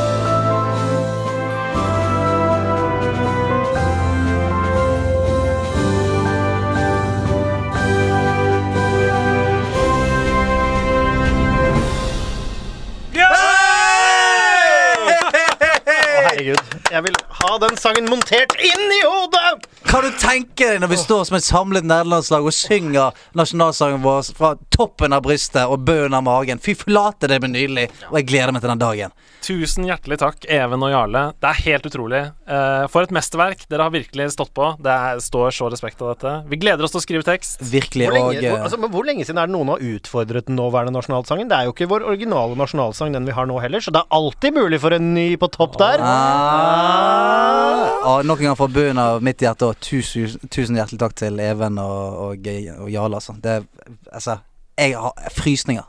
Frysninger i, i denne varmen her, det skal litt til. Så tusen, tusen hjertelig takk, og eh, vær så god, resten av nederlandslaget. Her har vi nasjonalsangen vår. Og eh, med det så flyr vi ut i solen eh, og sier tusen, tusen hjertelig takk til Sebastian Brynstad.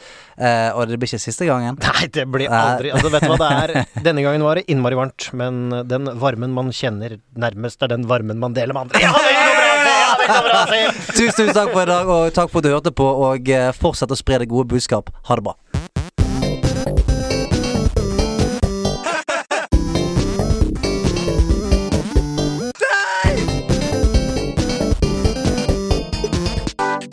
Nerdelandslaget. Den er grei.